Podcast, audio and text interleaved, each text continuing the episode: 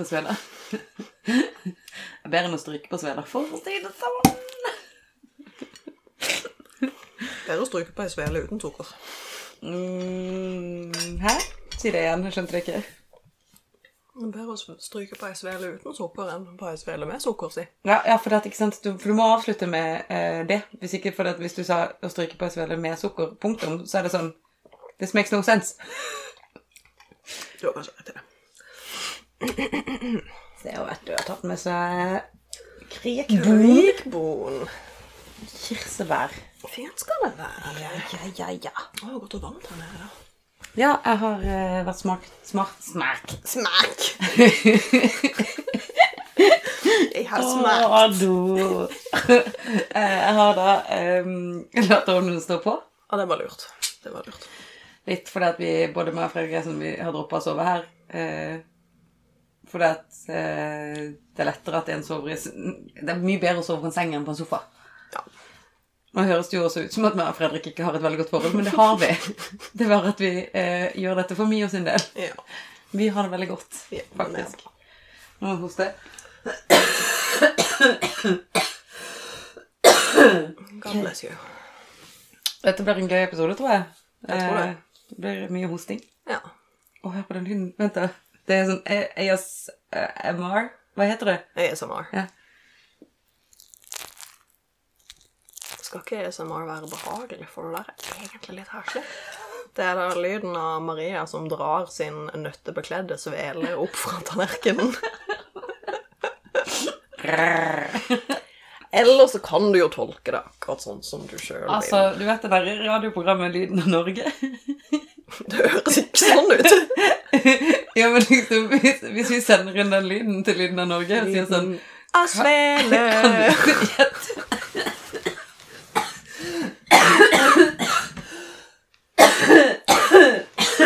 Uff, du må ikke dø der borte. Det skal bare sies at vi sitter i hvert fall halvannen meter fra hverandre i sofaen. Vi har sett en bamse mellom oss. Oversized teddybjørn mellom oss, som Han er vår social distancing-venn. Ja, han heter Kristian Lofthus. Heter han Christian Lofthus? Ja. Ok. Han Åh, gi meg to sekunder. Så beklager for uh, mitt lille hosteanfall der, hvis vi tar det med. Uh, og hvis ikke, så uh, hørte dere ingenting. Men jeg har jo da blitt sjuk. Blei syk for to-tre dager siden. Forkjøla. Ja, forkjøla. Og det er veldig viktig å poengtere at eh, fordi jeg ringte koronatelefonen eh, og spurte sånn Hei, jeg er syk. Eh, og det var akkurat sånn jeg sa det, for jeg, det var så syk jeg følte meg. Eh, og så sa de sånn Ja, det er ikke så mye å gjøre, egentlig, fram til du har gått to-tre dager. Så du må liksom gå et sykdomsforløp før de kan liksom teste deg. Det har jeg aldri hørt før. Ikke heller, og jeg ble sånn ok, og så er jeg sånn Som vi snakket om tidligere, med Sara snakket om det, at jeg egentlig er litt pushover. Så når jeg får beskjed fra sånne øvrige makter om sånn og sånn er det, så er jeg sånn Ja, ok, det høres jo helt sykt ut, men ok. Så uh, jeg, hadde, jeg hadde nok aldri starta en revolusjon. Um, Nei. tror jeg. Men uh, med hjelp av gode venner så hadde jeg kunnet vært veldig flink til å selge revolusjonen. Du, ja, når vi starter eh, Når det blir sosialistisk revolusjon i Norge, så kan jo du være vår PR-person. Oh yes, eh, det, det kan jeg, og det, det kan jeg, da kan jeg være kjempeflink, for så lenge jeg liksom tror på saken, så kan jeg snakke, snakke sterkt om det. Men uansett da, så i dag så eh, dro jeg innom eh, meg og Sara sin bestevenninne Hanne Sara. Vi har jo da en vennegjeng med veldig mange gøye navn. For vi har Hanne, Hanne Sara, Sara, meg, altså Maria, Marie, Og jeg heter jo Marie til mellomnavn. yes. Så vi har, eh, vi har valgt en, en gøy gjeng. Vi hadde veldig oppfinnsomme foreldre, tydeligvis, Ja. vi alle er født i samme år. Det er også, det er ganske sykt. Det er ganske sykt. Um, nei, men da uh, gikk jeg ned til henne, og så snakka med henne litt, og så sier hun at nei, men herregud, min mann, han, uh, han fikk beskjed om å komme ned og teste seg klokka 18.30 i dag, og han ringte i dag. Jeg bare, hva faen? Så jeg blir litt sånn, ja. Vi får, vi, uh, jeg lurer litt på om jeg skal teste meg. Jeg tror det er lurt å gjøre uansett. Ja. Men nå er jo ungen din også forkjøla, og din mor er forkjøla, Ja. så det er jo ikke så rart om du også har blitt forkjøla. Nei, så jeg er egentlig ikke stressa. Eh, men vi holder da, som du sier, social distancing med Christian Lofthus i Ja, midten her. Ca. halvannen til to meter med Christian Lofthus i midten. Mm. Og når jeg har mine hosteanfall, hvis det skjer igjen, så kommer jeg til å hoste inn mot veggen og i albuen og alle steder jeg kan hoste som ikke er mot Sara. Som ikke er på Christian Lofthus. Eh, Eventuelt på Hansen. Ja, du kan jo Christian. Vi hoster litt på han. Han tåler å bli hosta på. Det er derfor han er der. Baby. For de av dere som kan historien om Christian Lofthus, eh, sørlending som leda et eller annet sånn opptøy på Sørlandet. Han, han var sånn kjempehardt for noe. Nå husker jeg ikke lenger, men Fredrik eh, Oh. har eh, lagd et teaterstykke hvor det var han og en kompis, Thomas forresten, som Jimmy rigga Yay, vår. Thomas! Thomas. Eh, men de to spilte en forestilling i en rettssal. Hvor de hadde liksom sånn eh, alle sånne rettsfolk som satt rundt og så på. Eh, hvor da Bamsen var Christian Lofthus, hovedpersonen i stykket. Oh. Og de fikk liksom, de, hadde, de var sykt smarte. og bare sånn, de, de endte opp med at alle sammen endte opp med å bare stå opp og klappe. Så de fikk stående applaus på hver forestilling fordi at de hadde lagt det inn i forestillinga. Bare så sykt smart. Det var veldig gøy. Så de fikk eh, veldig god karakter på Det liker jeg. Det var et masterprosjekt, faktisk. Så det er kult. Cool. Men um, vil du ønske velkommen? Jeg kan ønske velkommen. Uh, hvis du ikke har fått det med deg til nå, hvis du tilfeldigvis bare ramla over denne podkasten, så er vi Dødsfeil og hardingfele. Vi er podkasten som tar deg med på en reise gjennom true crime og det overnaturlige i Norge. Yes. I dag er vi på episode nummer fire, Mm.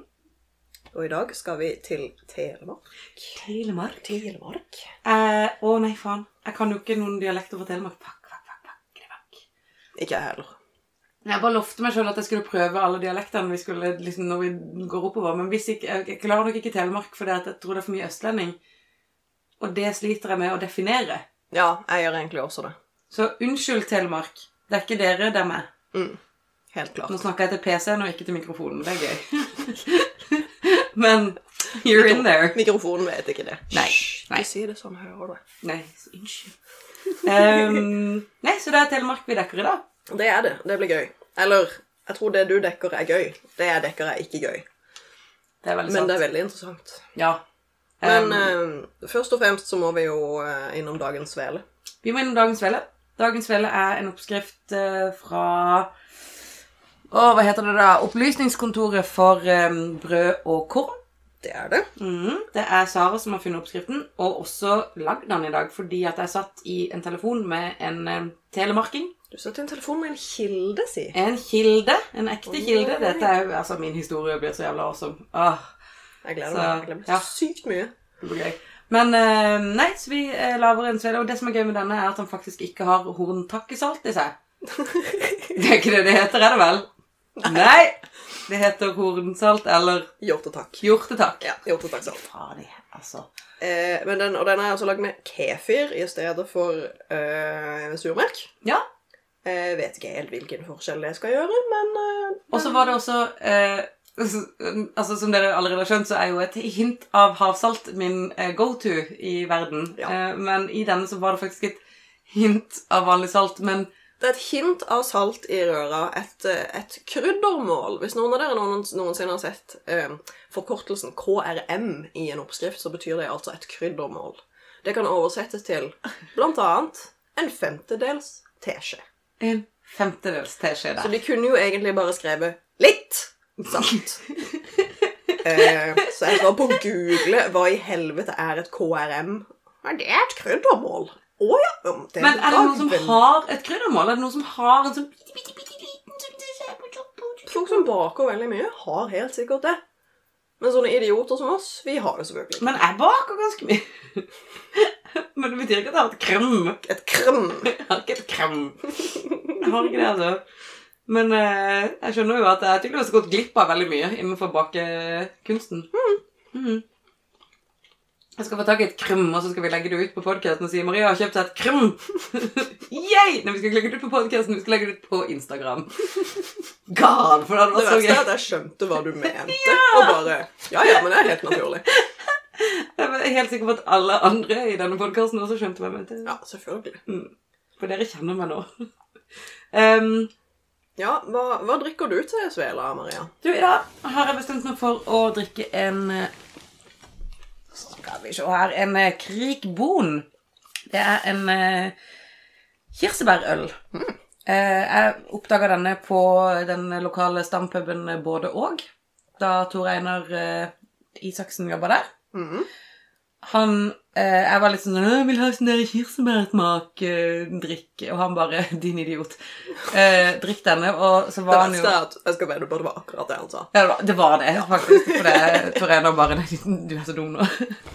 um, men han eh, anbefalte denne, smakte på den og syntes den var dødsgod. Og så har han Det er litt sånn Det, er, det smaker eh, ikke som sider. Det er mye syrligere Mm. Og veldig mye fyllere. Men har ikke prøvd den med svele ennå. Jeg gleder meg veldig masse. Alright. Hva er det du drikker? Jeg drikker en mm, Hawks Urban Orchard Medium Dry Apple Cider. Som jeg raska med meg fra butikken på vei hit. Den er faktisk eh, ganske god til sånn mainstream sider du får på butikken å være. Ja. Mm. Den er ikke så veldig tørr. Mm, den er litt syrlig. Smaker eple. Passer veldig bra til svele med sukker på. Bortsett fra at jeg har altfor mye sukker på. Ja, Men det er min skyld, ikke sideren sin skyld. det er sant. Mm. Um, jeg smakte nå på min Krikbon um, og fant ut at um, jeg smakte ikke så mye, så jeg er jo litt forkjøla.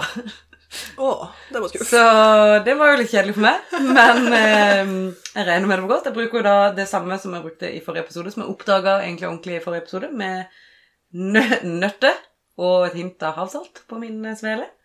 Å, men hvis du har en litt sånn syrlig, fruktig Mm. øl med det der karamellaktige pålegget, det er jo sikkert dødsgodt Det var det jeg tenkte.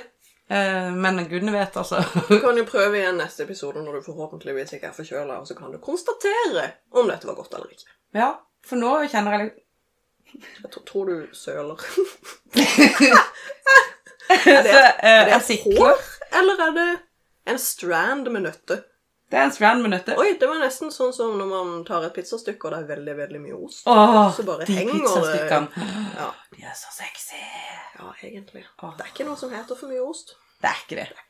Det er også eh, det samme når det kommer til svele og smør. Det er ikke noe som heter for mye smør. Sara fikk se det i dag. Sara bare Er du sikker på at du har nok smør? Jeg bare nei. Jeg tror jeg må ha mer. Ja, Nei, det er ikke noe som heter for mye smør. Det er ikke det. Nei, uh, kjedelig for meg at jeg ikke klarer å smake hvor godt dette egentlig er, men jeg prøver igjen neste episode. Mm. Jeg gjetter at det sikkert er veldig godt. Ja. Uh, og ettersom vi passer oss for korona og passer oss for eh, smitte, så kan ikke Sara smake på Nei, det kan jeg ikke. Så vi får Ja. Vi får revisit denne kombinasjonen ved en senere anledning. Vi må gjøre det. Yes. Ok, Um, har du Hvordan har du hatt det? Vi, meg og Sara har jo en sånn Vi skal spille inn fire episoder på ganske kort tid. Eh, og dette Helst fem, hvis Helst vi får det til. Ja. Ja. Det er jo det vi har lyst til. Uh, og derfor så har vi liksom sånn Vi har møttes hver dag og tatt masse bilder og gjort utrolig mye weird stuff uh, sammen. Det har vært kjempekoselig. Vi har spilt inn episoder nesten hver kveld. Men nå har jo plutselig gått tre dager uten å spille inn. Hvis Ja, vi har ikke spilt I dag er det mandag. Vi har ikke spilt inn siden torsdag, og så har vi jo ikke sett hverandre siden lørdag. Og det er jo bare to dager, men det føles veldig rart. Ja, Så når Sara kom i dag, så, var- så var det sånn Å, herregud, jeg har savna deg skikkelig. lenge siden jeg har sett det. Jeg mener sånn, Hvis vi skal være litt ærlige og se tilbake på vårt vennskap eh, meg og Sara har jo kjent hverandre siden vi var rundt 12, eller noe sånt. 12-13 der omkring. Eh, Ja. omkring. Eh, men du bor i Oslo, så som ofte så ser jeg deg sånn to ganger i året, maks. ja. Så det er veldig gøy at savnet blir Jeg bare gruer meg fryktelig til du drar hjem igjen til Oslo, det og jeg ikke kommer til å treffe deg hver dag. Ja, Det blir litt vrient. Det er veldig sånn åh, jeg gleder meg veldig til å dra hjem til kjæresten min og puskatten min. Ja. Samtidig så blir det veldig kjedelig at vi ikke skal ses hver kveld og sitte her i kjelleren og bare la, la, la. Det er jo dette jeg vil. Det er jo dette jeg vil hver kveld alltid. Dette er så gøy, og det er så gøy å få Altså, jeg mener, fy faen. Dette er den beste podkasten som fins. For meg. og Det kan Ja. være at eh, ingen andre syns Jeg er enig. Ja. Jeg tror med, Da med er vi det. i hvert fall to som syns det. Ja. Og vi vet at Benjamin elsker det, så shout-out til Benjamin. Ja, Benjamin. Og broren Jonathan. Ja, Fordi begge to er sånn Når skjer det? Når skjer det? det er veldig koselig. ja. Så vi må skryte masse av dem. Og når vi snakker om shoutouts, Ja. så må vi gi en shoutout til vår nye venn Marie Oh. fra Tyskland. Vi har truffet en, eh, en tysk vakker pike, vil jeg si. Ja, eller en, en, en dame. Hun er jo en dame. Ja, hun er en dame. Jeg, bare, jeg liker å kalle meg sjøl pike, selv om jeg er 33 og har barn. Så, så, men jeg er en pike. Ok, lær om det. ja. Eh, Det har nok med min stil å gjøre, så det skal jeg tenke litt på.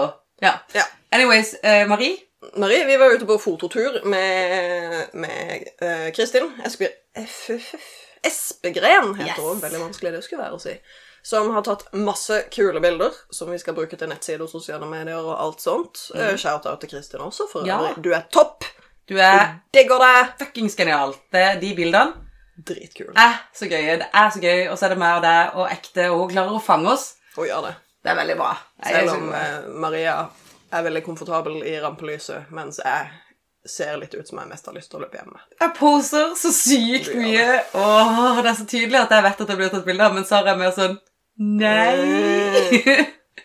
men det er veldig fine bilder. Jeg syns de er ja, kjempebra. Men iallfall, når vi tok en av disse Altså, vi hadde jo forskjellige locations rundt omkring i Ravnedalen Ja. i Kristiansand på Grim. Mm. Um, og en av plassene vi sto, var i en sånn steintrapp som er bratt og mystisk og skummel. Og, uh, ikke sant? Så vi sto der da eh, og skulle ta noen bilder. Og så kommer det en eh, vakker kvinne En vakker kvinne. Ja, det kan vi si. gående ned steintrappa, og ehm, blir jo selvfølgelig litt sånn freaka out at vi står der og bare 'hello' i sånn kirsebærkjole og ser rar ut. Vi har møtt to folk som står i trappa. Ei i kjole med sveler, og ei som står og spiller hardingfele. Litt sånn Ja, dette er helt normalt. Velkommen til Norge. Det er sånt vi gjør her. This is, this is how we rock. This is Sparta. Nei, Nei! Nei. Er- feil referanse. For at vi sto i en steintrapp, og det var det neste vi da hadde gjort, var å sparke henne ned steintrappa. This is Sparta! Uff da. Vi kunne jo gjort det, ja, men det ville vi jo ikke. Vi ville aldri gjort det. Nei. Vi elsker Marie. Det gjør vi. Eh, Hun var veldig kul. Hun eh, begynte å snakke med oss og var sånn eh, So what's going on? Og liksom, det første jeg begynte med, var jo å være sånn der bla, bla, bla, bla, bla, bla. På norsk, da, selvfølgelig. For jeg regnet med var norsk. Uh, hvor hun bare Etter jeg vet ikke, fem minutter med min babling, så sier hun I'm sorry, what's this? What are you doing? og jeg var sånn Å ja, English. I'm sorry. I'm an idiot. Så det virka jo kanskje som at Marie ikke var så dreven i norsk. Men hun sa jo også at hun ville høre på podkasten, så da håper jeg jo at innen hun har kommet til episode fire, Ja. så skjønner hun hva vi sier. And Ja. if not, Marie, this, uh, this is a shout out to you. You need to learn Norwegian, so you can... No, You don't need to learn it, we- but we can't translate so it. can listen to the podcast. Yes. Så det var dagens... Var det dagens shoutouts? Ja. Var det noen flere vi Det skulle... kommer flere, men det kommer liksom når jeg dekker min historie, for da har jeg mine shoutouts der. Eh, nei, jeg tror det var de som var viktige å rope høyt om eh, før vi begynner, eh, begynner kvelden. Har vi snakka om åssen vi har det sånn generelt i livet? Nei, det har vi ikke. Åssen har du det generelt? Generelt så har jeg det bra. Jeg er litt sliten. Eh, vi driver jo fortsatt og rydder. Og flytter og løper opp og ned trapper. Ja. Hele dagen lang. I dag har jeg fått selskap av en av mammas venninner, som er kanskje det mest effektive mennesket jeg noensinne har møtt. Så det gikk jo i en jævla fart, plutselig. Med hyller som kom ned, og esker som dit, og alt mulig. Ja. Men det var greit å få gjort. Og så har jeg spist indisk til middag, og det var digg, så nå er jeg lykkelig i magen. Å, det hørtes godt ut. I dag når Sara kom, så um, ble jeg nesten litt redd for eh, svele, svelelaginga, for jeg skjønte at Sara var så sykt mett. jeg hørte når hun kom, så var det sånn derre Å, jeg er så mett, kan vi røyke? så tenkte jeg sånn Oi, å nei, nå får vi ikke spist svele. Men, eh, men heldigvis så klarte Sara å lage svele, selv om hun ikke klarer å spise mer enn sånn fire bit, kanskje. Ja, jeg kommer nok sikkert til å sitte og snakke på den når du forteller din historie. Jeg klarer jo ikke å la være å spise ting som ligger foran meg. Ikke jeg heller. Nei. Det er, en, det er en av mine Altså eh, Jeg har jo alltid Altså hele, Helt siden jeg ble kjent med Sara, så har jeg vært sånn Hvis det er noen jeg kunne se ut som, så er det Sara. Fordi at Sara er sånn høy og slank og kjempe altså, perfekt. I mitt hode så er du perfekt. Eh, og Sara har alltid vært en av de som sånn Som kan spise, og fremdeles eh, Jeg er jo sånn som kan drikke et glass vann og legge på meg tre kilo. Ja. Og det er jo eh, selvfølgelig også fordi at jeg var sånn dritstressa for hvordan kroppen min ser ut, og dermed altså hele tida vært sånn Mm. Nå har det roa seg veldig ned, for etter du blir gravid, så er det sånn Jeg kommer aldri til å bli tjukkere enn dette. Dette, dette skjedde. Så, Ja, ja. Eh, men eh, eh, det var da liksom sånn eh, Når vi var barn, så var det det er Barn. Tenåringer. Eh, så var det sånn This is how I want. Eh, og fremdeles så er det sånn når Sara spiser, så har jeg lyst til å ha muligheten til å spise med en sånn Uten den der vonde stemmen som ligger oppi her og sier Pass på nå.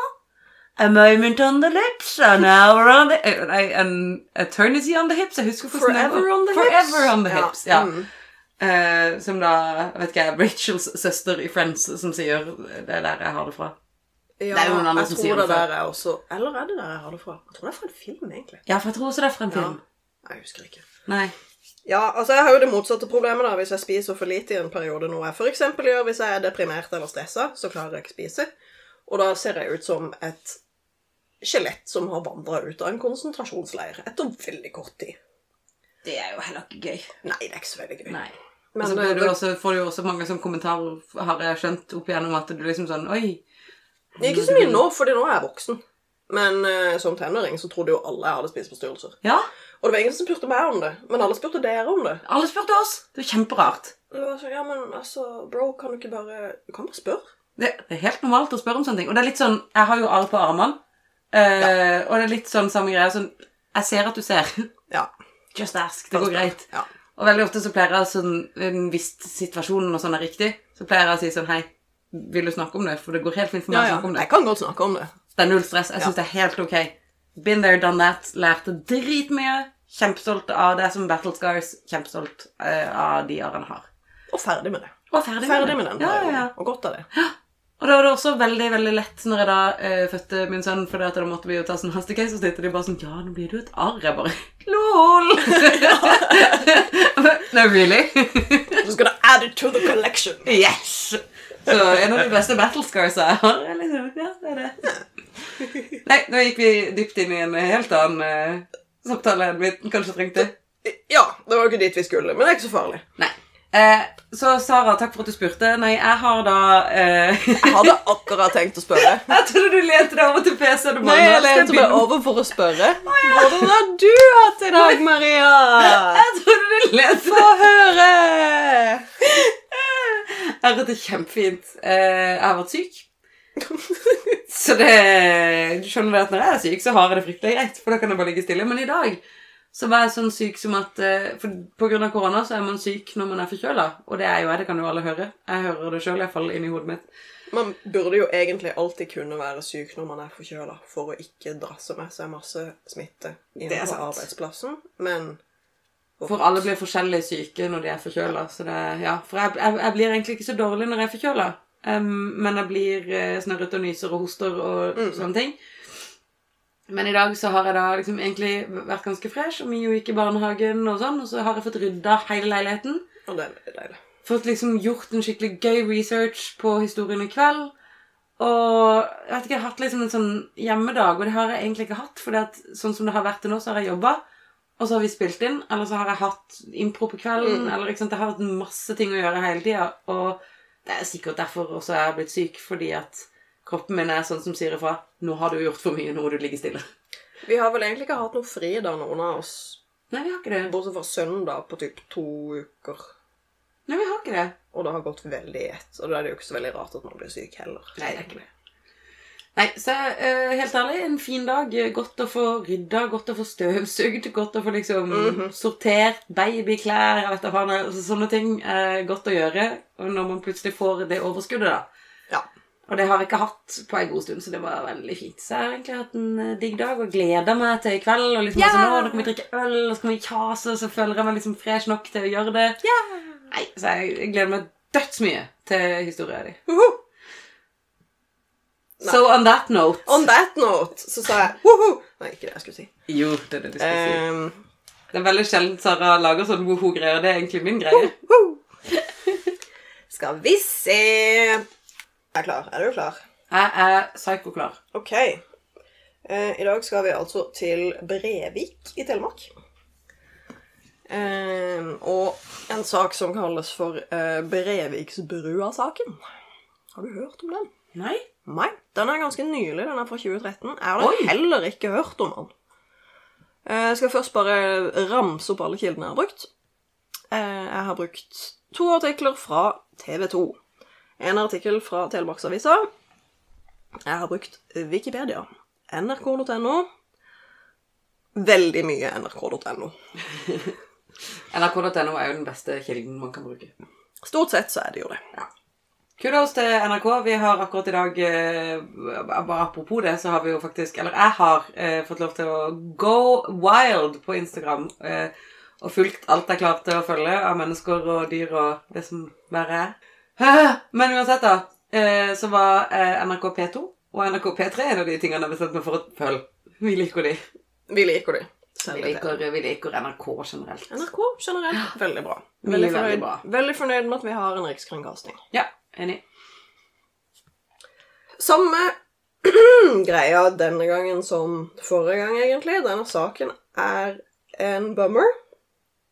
Men den er veldig interessant, på tross av at han er veldig trist og kjip. Altså, den 3. august 2013 blir 33 år gamle Linn Madeleine Bråten funnet død i vannet ved Sandøya utenfor Brevik. Politiet antok at hun hadde tatt sitt eget liv ved å hoppe fra Breviksbrua.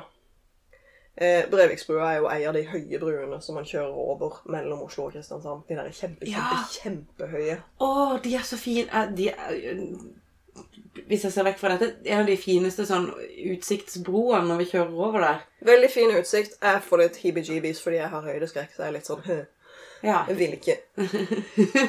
I motsetning til meg som er sånn Kan vi stoppe? Jeg må se. Ja. det er derfor vi er et bra team. Motsetninger. For da kan jeg si Nei, Maria, du får ikke lov! Ja, det Og er så riktig. kjører vi videre. Og så kjører vi. Ja, videre. Det vil si du kjører videre, for jeg får ikke kjøre bil. Nei, jeg kan, jeg kan kjøre bil. Jeg kan kjøre. All right. I hvert fall. Ehm, kvelden før Linn Madeleine døde, uh, var hun sammen med flere venner, deriblant en som var politimann, uh, og han var også Linns samboers beste venn. Uh, så vidt jeg har skjønt ut ifra de artiklene jeg har lest Det er også veldig, veldig mye artikler om denne saken, så litt sånn som forrige Jeg har ikke klart å lese absolutt alle, så det er mulig det er noen koblinger jeg har gått litt glipp av. Men sånn som jeg har skjønt det, i hvert fall, eh, så var det ingen av de som visste hvor hun hadde gått, eller hva hun hadde gjort etter det selskapet.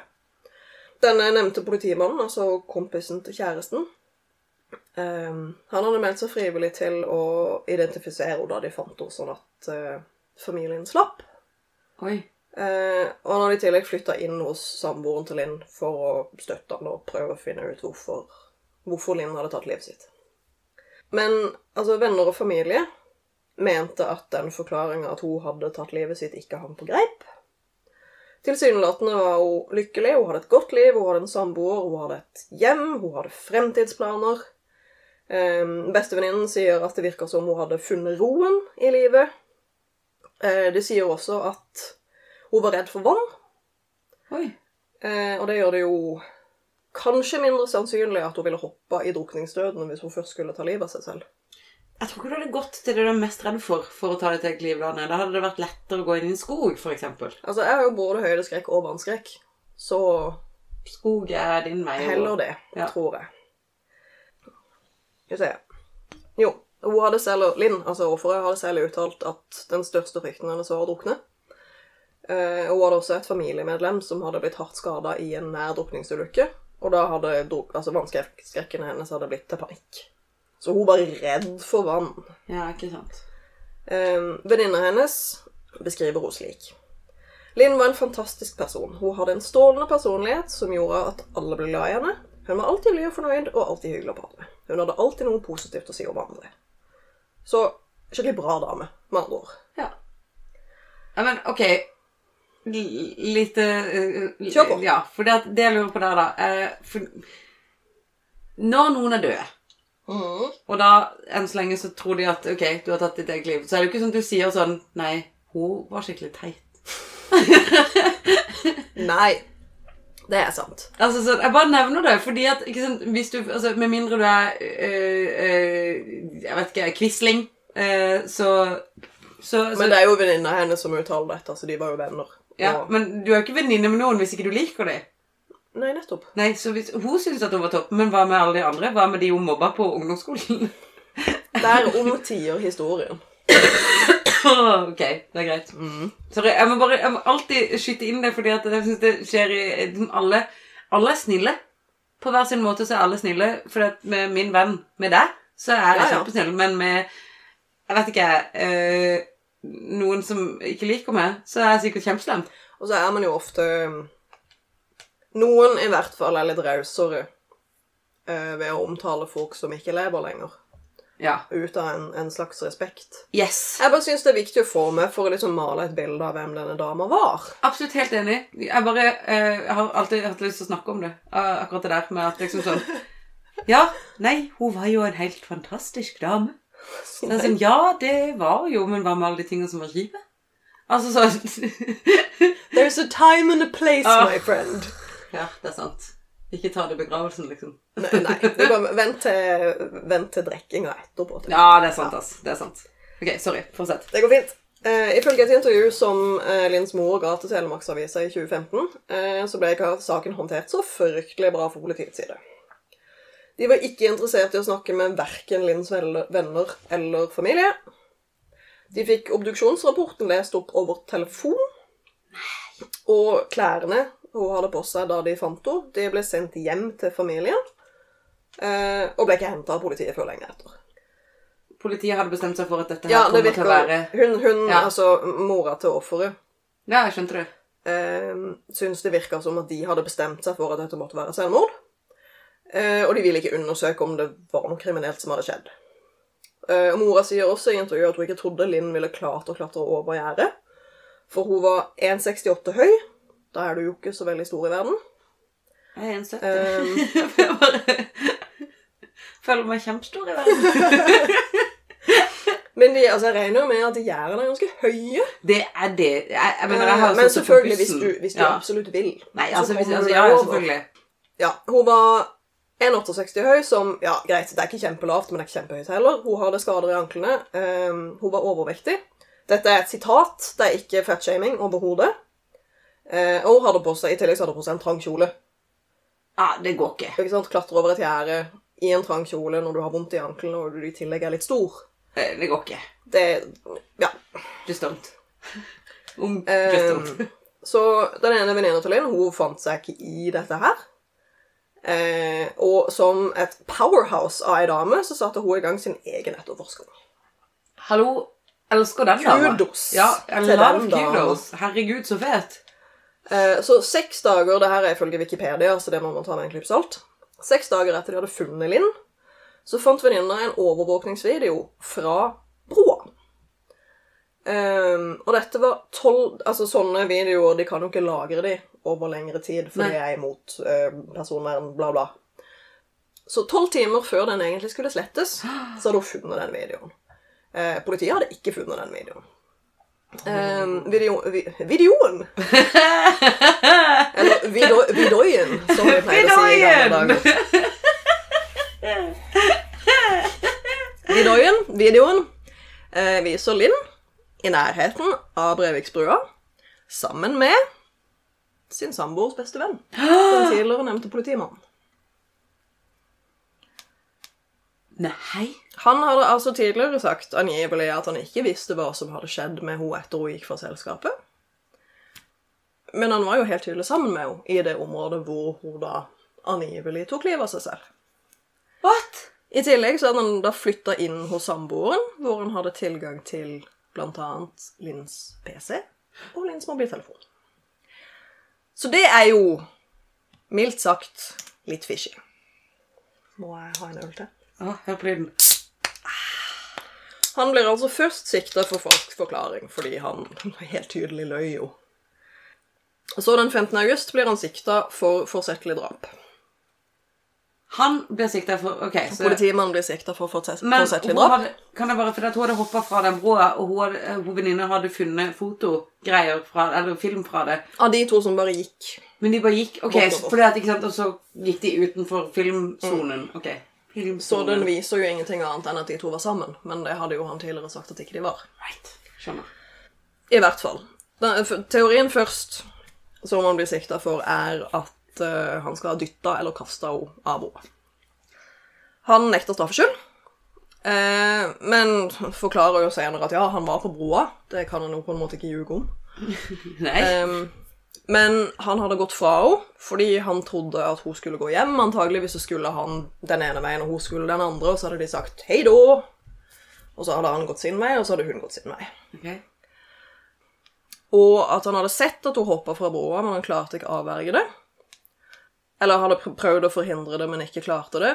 Eh, og at han da hadde vært i sjokk og tatt irrasjonelle avgjørelser, så han ikke hadde ringt nødetaten Eh, eh, og løy til politiet. Og flytta inn hos samboeren. eh, Og kan potensielt kanskje ha fjerna bevis fra hennes digitale duppeditter.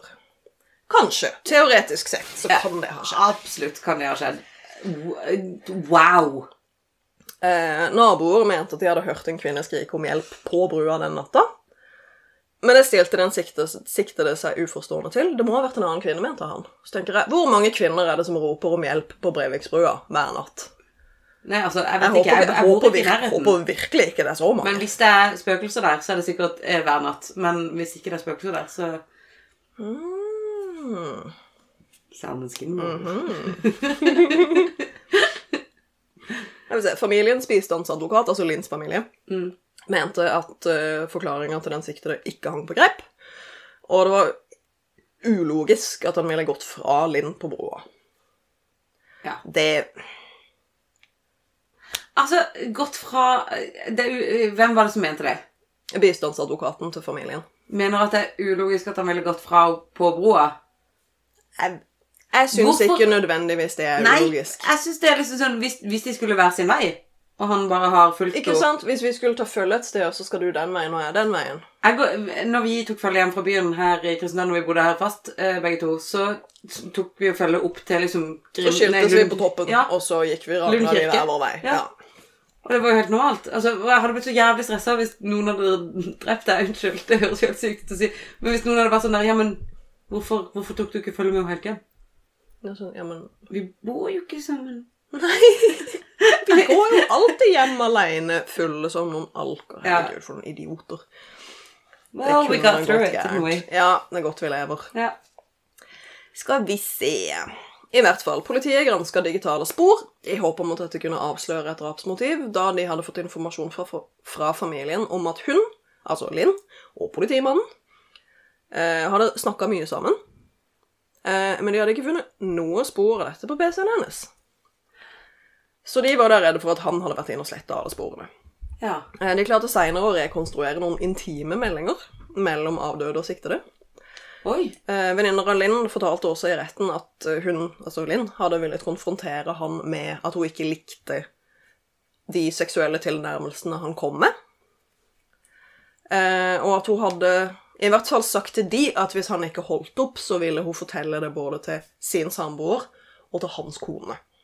Fordi hun syntes det var veldig ubehagelig. Ja. Men om hun faktisk konfronterte han med det, det er det ingen som vet. Nei. Eh, Denne politimannen fikk sparken eh, i januar året etter Linn døde, altså et halvt år seinere. Eh, klagde på avgjørelsen, Really? men klagen ble ikke tatt til følge. Nei, nei, takk og pris for det. er litt sånn Really? Nei. Really? Nei, ha litt, selv. ha ja. litt selvinnsikt av mann. Ja. Eh, men grunnet manglende bevis så frafalt eh, drapssiktelsen, men han ble i stedet tiltalt for å ha etterlatt Linn Madeleine i hjelpeløs tilstand. Hei, men unnskyld, unnskyld. Nå, nå sier jeg ikke at han eller noen har noe rett her, men, men, men han har jo ikke det. Hvis det er sant at han har sett henne Ja, hvis han har sett henne hoppe, det har han jo hoppe fra Ja, broa sant? og ikke gjort noen ting Ja, det er helt sykt. Det, det hadde vært Ja. helt sykt. Ja, ja. Nei, never mind. Jeg er helt enig. Eh, han nekter straffskyld for det, men han erkjente at han hadde avgitt falsk forklaring, i hvert fall. Um, så den 29. september 2014, altså litt over et år etter Linn døde, så blir han dømt i Nedre Telemark tingrett uh, til tre års fengsel. Han anker dommen. Um, ankesaken starta mars året etter. I Agder lagmannsrett. Han ble da dømt til to år og seks måneder. To år og seks måneder. Ja, i stedet for tre år. Um, så han anka saken til Høyesterett, men de bestemte seg for at de ikke tok saken. Men han anka for å slippe unna fengsel? Ja. Ja, ok. For jeg bare sånn derre altså, Og grunnen til altså Denne mannen er jo selvfølgelig navngitt i mediene, men grunnen til at jeg ikke navngir han, er rett og slett fordi at han Han har sona dommen sin, og nå er han ute. Og Ikke gå over noen broer, girls! Nei, jeg tenker mer sånn fordi Altså Jeg syns jo denne saken er fishy as hell. Ja. Men vi har et rettsvesen som gjør jobben sin, og da, når folk har sona dommen sin eller har blitt eh, kjent ikke skyldig, for eksempel, så Ja. må vi nesten eh, rett og slett la de være i fred. Jeg er Helt enig. Helt enig i det. Så det Det var den soga. Rett og slett. Men, men, men vi, altså, er, vi, er vi helt sikre på at det er han, liksom? Nei, man er ikke sikre på noen ting. Men familien var jo helt sikker på at hun ikke kan ha tatt livet av seg selv. Det Jeg kjenner flere som har kjent noen som har tatt sitt eget liv, og det kom helt ut av det blå. Så Ja. det er veldig vanskelig å vite. Men dette var i 2013. Så jeg er litt sånn Hvis det hadde vært noen tegn på det, så hadde sosiale medier fått det med seg. Altså sånn eh, Mange har en lukka Instagram. Eh, mange har en lukka Altså sånn Mange har en sånn eh, Man skriver en dagbok på PC-en. Så politiet hadde vel kunnet Jeg vet ikke om politiet har forska så mye på det, men liksom Politiet hadde vel de hadde vel sjekka litt sånn på PC-en hos og sjekka litt sånn ha, Hva er Google-søket ditt? Har du søkt mye på selvmord i det siste? Altså sånn Ja, men altså Folk klarte jo utmerket godt å ta selvmord før de kunne google det, på en måte. Ja, ja. Og det er jo ikke alle men, som nedskriver sine mørkeste indre tanker på, på Instagram. Heldigvis. Heldigvis, ja. Eh, nei, nei, men som oftest når man bestemmer seg for å ta sitt eget liv Om så man liksom Jeg vet ikke hvilket forhold hun har til foreldrene sine, men det høres ut som det er helt ok. Det høres ut som en venninne også var Ja, ja, så har hun jo en samboer som var veldig glad i. Ja. Var veldig glad i. Ja, så da tenker jeg sånn eh, Hun må jo ha hatt lyst til å si farvel. Og forklart. Altså iallfall eh, Jeg vet ikke, hvis jeg sjøl skulle stått i den situasjonen og tatt mitt eget liv altså sånn Nå skal jeg, nå gjør jeg det. Nå, da må jeg Jeg må skrive 100 brev til alle de jeg elsker, sånn at alle forstår at dette er ikke det, det er meg. Ja, det, men det er jo veldig individuelt. Og altså Grunnene til at folk tar livet av seg, er jo veldig ofte at du føler at de som står deg nærmest, har det bedre uten deg. Ja. Eh, og kanskje til og med altså Depresjon gjør rare ting med hjernen din, og kanskje til og med at du ikke tror at de egentlig bryr seg. Og at de ikke har noe å si. ja, ikke sant. Det er jo ikke alle som legger igjen brev. Det snakka vi om i forrige episode i Tina-saken. De trodde jo også at hun hadde tatt livet av seg. Det er jo ikke alle som legger igjen brev, det er ikke alle som ringer, det er ikke alle som sier ifra. Eh, og si, de, to, de to personene som For det fokuseres jo veldig på at hun har det bra.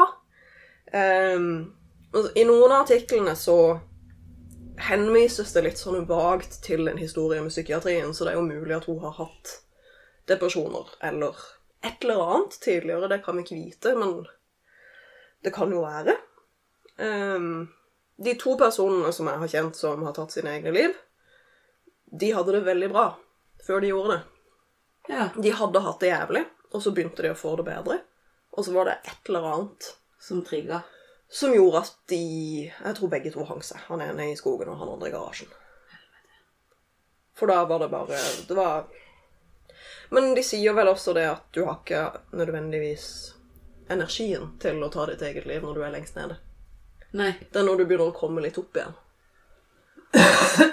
Ja. Så, og altså, hvorvidt dette her holder vann sånn psykiatrisk sett. Men det er liksom, det er den forståelsen jeg har fått, det jeg har lest, det jeg har opplevd. Så vi vet jo ikke, men det er jo helt tydelig at denne saken har jo blitt behandla på en mm, mildt sagt ugrei måte. Jeg vil jo si det. Absolutt. Jeg vil jo si at uh, det er litt sånn kjipt at politiet bare jump to the easiest conclusion der. Ja, ikke sant? Det, det gir meg en sånn vond smak i kjeften. Sånn, men faen heller, dere må jo i det minste sjekke. Ja. Dobbeltsjekk. Ja. Men jeg tror jeg, jeg vet ikke, jeg vet ikke hvordan det er nå. Jeg, ikke, jeg følger jo ikke med på sånne ting. eh, Men, men jeg ser liksom for meg at akkurat den der med selvmordsgreia, at det er mye nøyere nå Men det kan jo være at dette er helt feil og ikke peiling. Det er vanskelig å vite i og med at de skriver nesten aldri om selvmordssaker. i. Nettopp. For det er Fordi ja, ja. det er så personlig og forferdelig for de som er igjen etterpå. ja, ja, men så er det jo også til en viss grad så er det jo smittsomt i tillegg. Det også.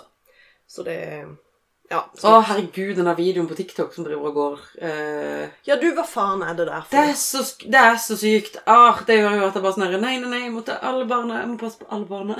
For Jeg har bare sett en overskrift som Helsesista hadde lagt ut på Mm. Facebook, men jeg tenkte Det der er, tror jeg ikke er noe jeg trenger å lese, for da tror jeg jeg bare mister absolutt all troen på menneskeheten. Forevermore. Ja, nei, du mister jo ikke troa på menneskeheten. Dette er jo bare et Det er jo et individ som sitter der og eh, ikke blir hørt og ikke blir sett, og den eneste måten å bli hørt og sett på er internett. Og så bestemmer han seg for å filme sitt eget selvmord. Og eh, Men det er én ting. Det er grusomt. Men folk som deler det videre Og det og da, Da litt algoritmer sånn- og sånn Ja, kommer inn, som er altså- helt sykt. Det er jo helt sykt. Det, er fordi at det er jo sånn, eh, Den videoen uh, begynte vel å bli delt av liksom noen, og så kom algoritmene inn og gjorde at det ble sånn At den trenda, Ja. rett og slett. Rett og Ja. slett. Så det er liksom Det er ikke bare at liksom Det er ikke folk som har delt på den måten. Det er noen som har begynt å dele bare Nei, hva i helvete er dette, og dette er vår beste venn, bla, bla, bla. Så har liksom algoritmene gjort at Oi, oi, oi, oi, det er stor video, selv om de ikke har egentlig skjønt innholdet. Mm. For at algoritmer er, jeg vet ikke, Matrix. Ja, det er jo ikke Men jeg trodde de De har jo Ja, men kanskje ikke hmm. Jeg vet ikke Jeg hvordan vet ikke hvordan TikTok funker. Nettopp. For vi vet at Facebook er liksom sånn De, de sensurerte jo det der eh, Den uh, ungen som løper etter Hiroshima-bomba nettopp har sprengt. Ja. Det sensurerte de. Fordi at de bare Nei, det er nakent barn. Husker jeg bare sånn derre Men det er også et historisk bilde. Ja, eh, så hvis liksom Facebook sensurerer det, men godtar, altså, så godtar da plutselig TikTok at noen tar sitt eget liv på film, Ja. så tenker jeg vent nå litt her. Her har, vi noen, her har vi noen ting som ikke funker. Ja, altså, men amerikanerne er jo altså, Både Facebook og Instagram er jo amerikansk. De er jo livredd for i hvert fall nakenhet. Ja. Jeg husker en gang så skulle jeg poste en Jeg hadde en sånn eh, Facebook-side for det gamle liksom eh, kunstforetaket mitt. Ja. Og da skulle jeg ha en tegning som bannerbilde. Og det er en tegning av en dame som spiller fele. ja, det er fint. Og så er det Altså, det går en linje liksom der hvor brystet hennes går. Og så er det en liten sånn Det går litt inn der, sånn under der, sånn puppen kanskje kan være. Ja. Men det er jo literally bare en strek Ja, det det. som indikerer at her kan det, eller det kan kanskje ikke, være en pupp. You never know. Det fikk jeg, fikk jeg ikke lov å poste, for her er det nudity. Å, herregud, du vet at du er nødt til å liksom poste det bildet på Instagram. Ja. Lol-orama. Du er nødt til å poste det når vi har lagt ut denne episoden, så må du poste det, og så må du si sånn Dette er bildet. Her er det en pupp. Der er det en pupp. Der er det en pupp. En strekpupp. Nipples. Det er ikke nippel engang. Nei, men jeg, trodde, jeg, trodde, jeg trodde det var liksom det som var greia. Hvis du viser nipples, er det ikke lov å vise. For jenter, men det er lov for gutter, da. Ja. Oh, great. Men i hvert fall, men TikTok er jo kinesisk.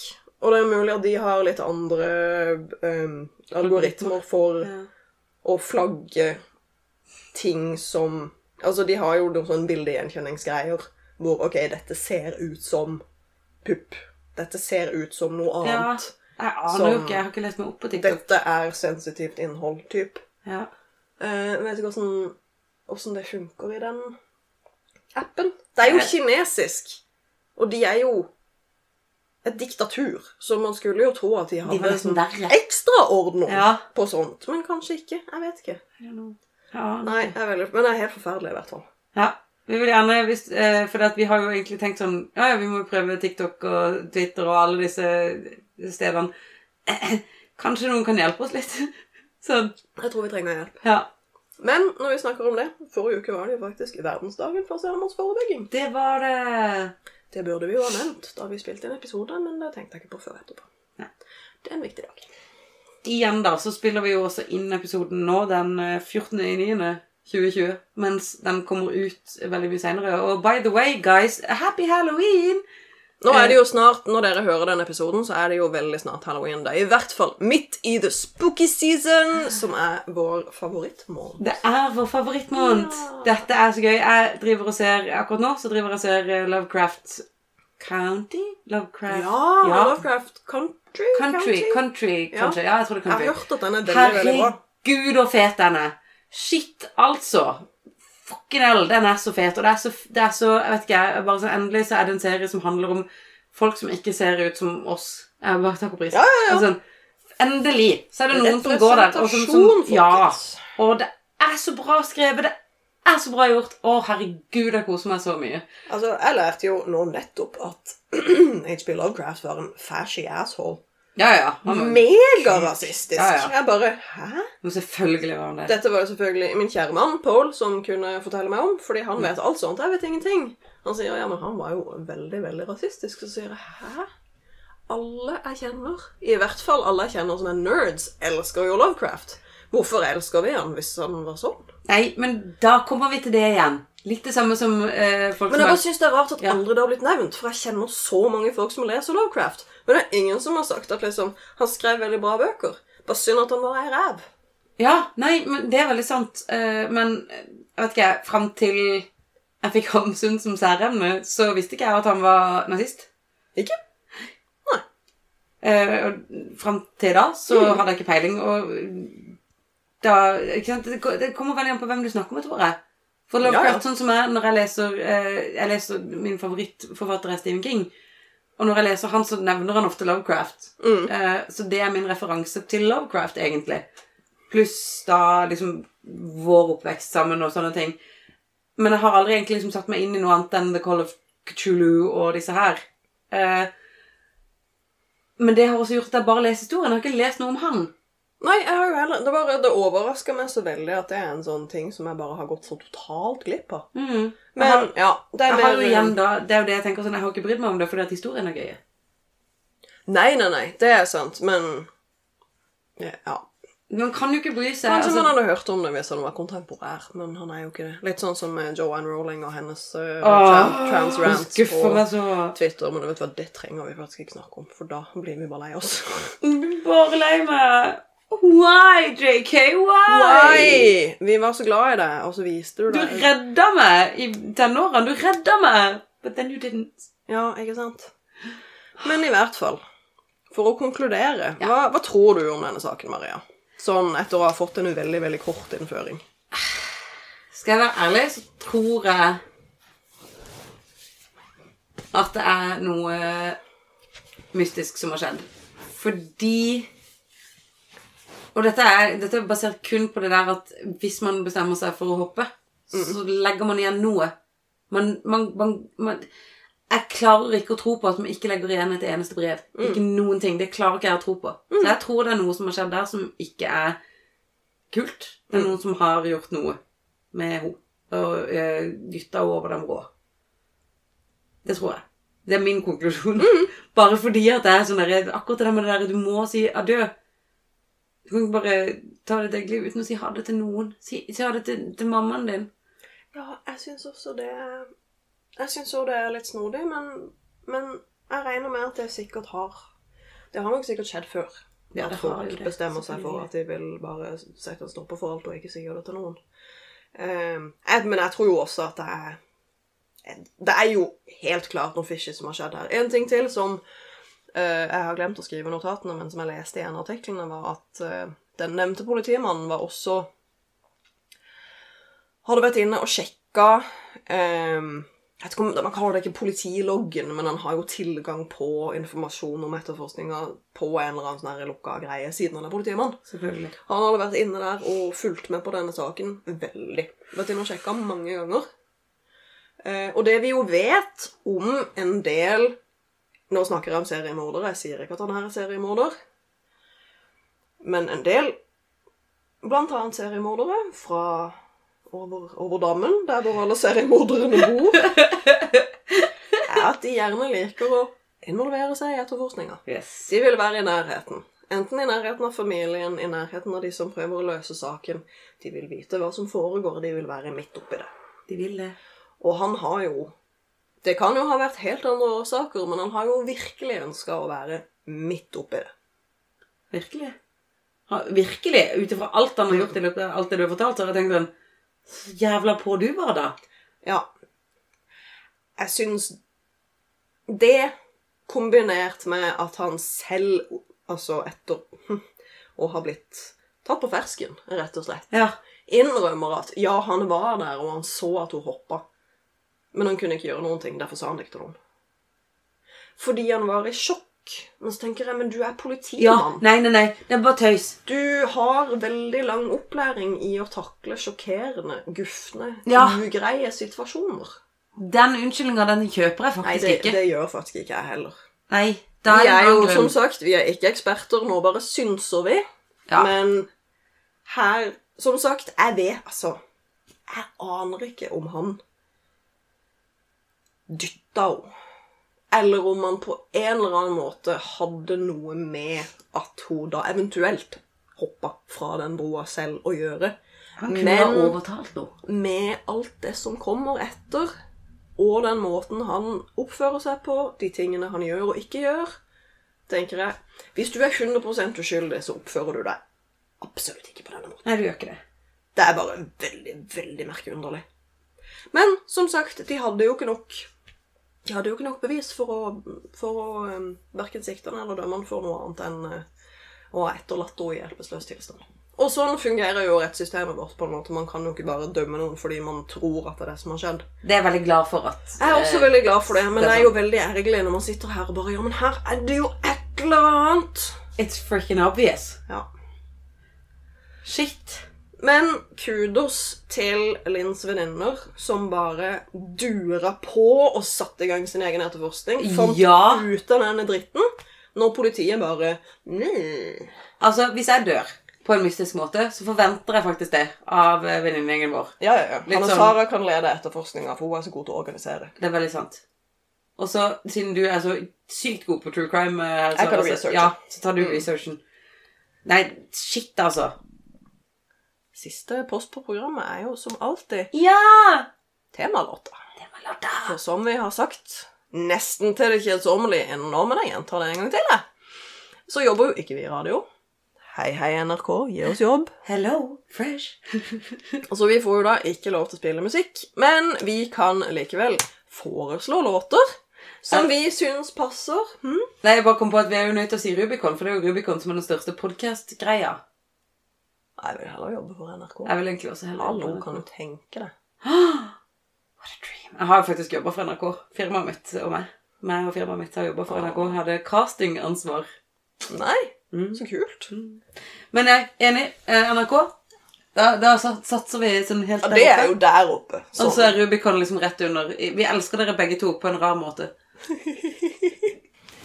Hvor langt får jeg komme? Jo, men selv om vi ikke kan spille låtene, så kan vi jo likevel komme med en liten sånn anbefaling. Et litt sånn soundtrack til historien som nettopp har blitt fortalt. Og så kan dere jo, hvis dere har lyst, så kan dere jo pause podkasten, sette på denne låta, høre på den, og så kan dere høre videre etterpå. Yes. Så dagens låt fra min side er ei låt som er av og med en dame som heter Mona Haydar, som er en amerikansk-syrisk rappartist. Som faktisk er den kuleste dama i hele verden.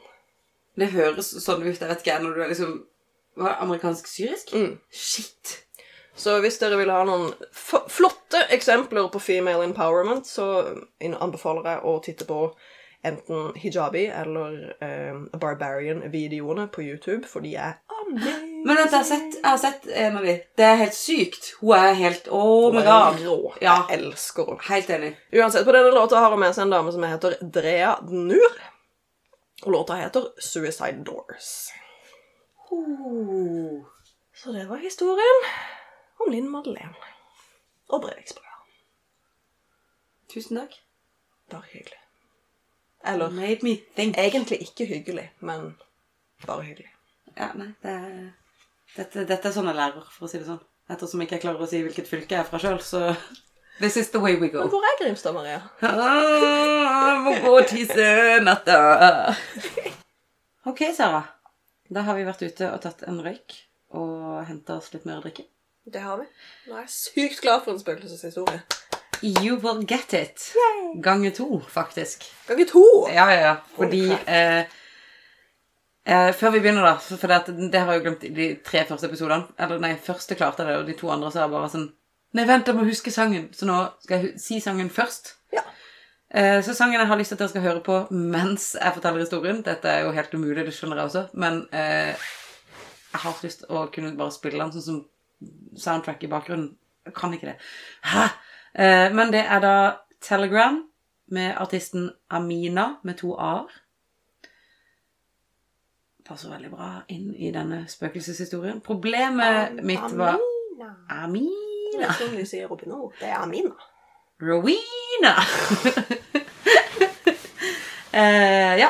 Eh, det som er litt kjedelig, er at jeg skal dekke et eh, hotell i dag. Og derfor var jeg sånn, jeg angrer så sykt bittert på at jeg sa eh, hør på The Shining i første episode. For det er liksom Nei, å, den er så Å, det er så det hadde var så gøy å ha liksom Nå skal jeg ha et hotell, og så kommer den altså, Ja. Men uansett så kan jeg jo ikke lage det sånn som jeg pleier å gjøre det når jeg spiller eh, musikk til improscener. Så derfor så Ja, da blir det Amina Amina. i denne episoden med sangen Telegram. Den er veldig fin. Så eh, yes, da eh, etter at jeg har eh, trippel 100 ganger sjekka at Skien, eller Skien, ligger i Telemark Gjett hvor mange ganger jeg sjekka det. Det var sånn 100. For det var sånn Nei, nå har jeg bevist gang på gang at jeg ikke kan en dritt om geografi. Jeg tror jeg også har sjekka minst 15 ganger at Brevik er i Telemark. Ja. Var så det er Eh, ikke var i Telemark. Var. Ja, det heter Var. Det er sant. Um, så skal jeg begynne å fortelle litt om historien til Skien, eller Skien. Eh, og så syns jeg det var veldig fint i begynnelsen der så skriver det sånn Byens eh, navn har ingenting med framkomstmiddelet ski å gjøre. Selv om det har felles opprinnelse med ordet ski, som betyr kløyvd stokk. Bare sånn at alle vet det. OK. Eh, ordet ski er avledet av å skille, og navnet, i parentes norrønt Og så kommer det et norrønt ord her, som heter skidan. Er eh, vanlig Og så kommer det en sånn Det som ser ut som en D med sånn kryss over. Dø. Det. Det. Det. Skiden. Skidan. Ja. Eh, det var nok opprinnelig et elvenavn, trolig med betydningen 'den som skiller'. Aha, så det er sånn Skien har fått. Så det skiller elva skilte. Da. Ah, så det er en elv midt i byen? Ja Nå har jeg også vært i Skien. Har vært i Skien, Ja, men det Skien, ja. er veldig, veldig lenge siden. Ja, eh, eh, eh, jeg har jo Fredrik har sin aller, aller beste kompis bor i, i Skien. Eh, og vi har masse kontakt med dem. De har en kid på vår alder, og vi henger også På med- vår alder. På vår alder. Wow, Maria. Ok, eh, så vi Ja, har en barn kid på 33 år. Ja Er det noe galt med det, kanskje? Nei, Nei. jeg tror ikke våre foreldre vil si det. Nei, Eller tror våre ikke mødre i hvert fall. Våre fedre trenger vi kanskje ikke snakke om. Nei, det er så viktig, eh, det derre pappaforholdet vi har. Det er gøy. Det kan vi kanskje snakke om i en annen Det kan vi episode. snakke om en annen gang. Ja. Eh, men nei, eh, de, disse to, dette venneparet vi har da oppe i Skien, eh, heter Thomas og Marita. De er dødskule. De har ei lita datter som er fire måneder eldre enn Mio. Å ja, men de var jo her sist her. Mhm, så du har møtt dem?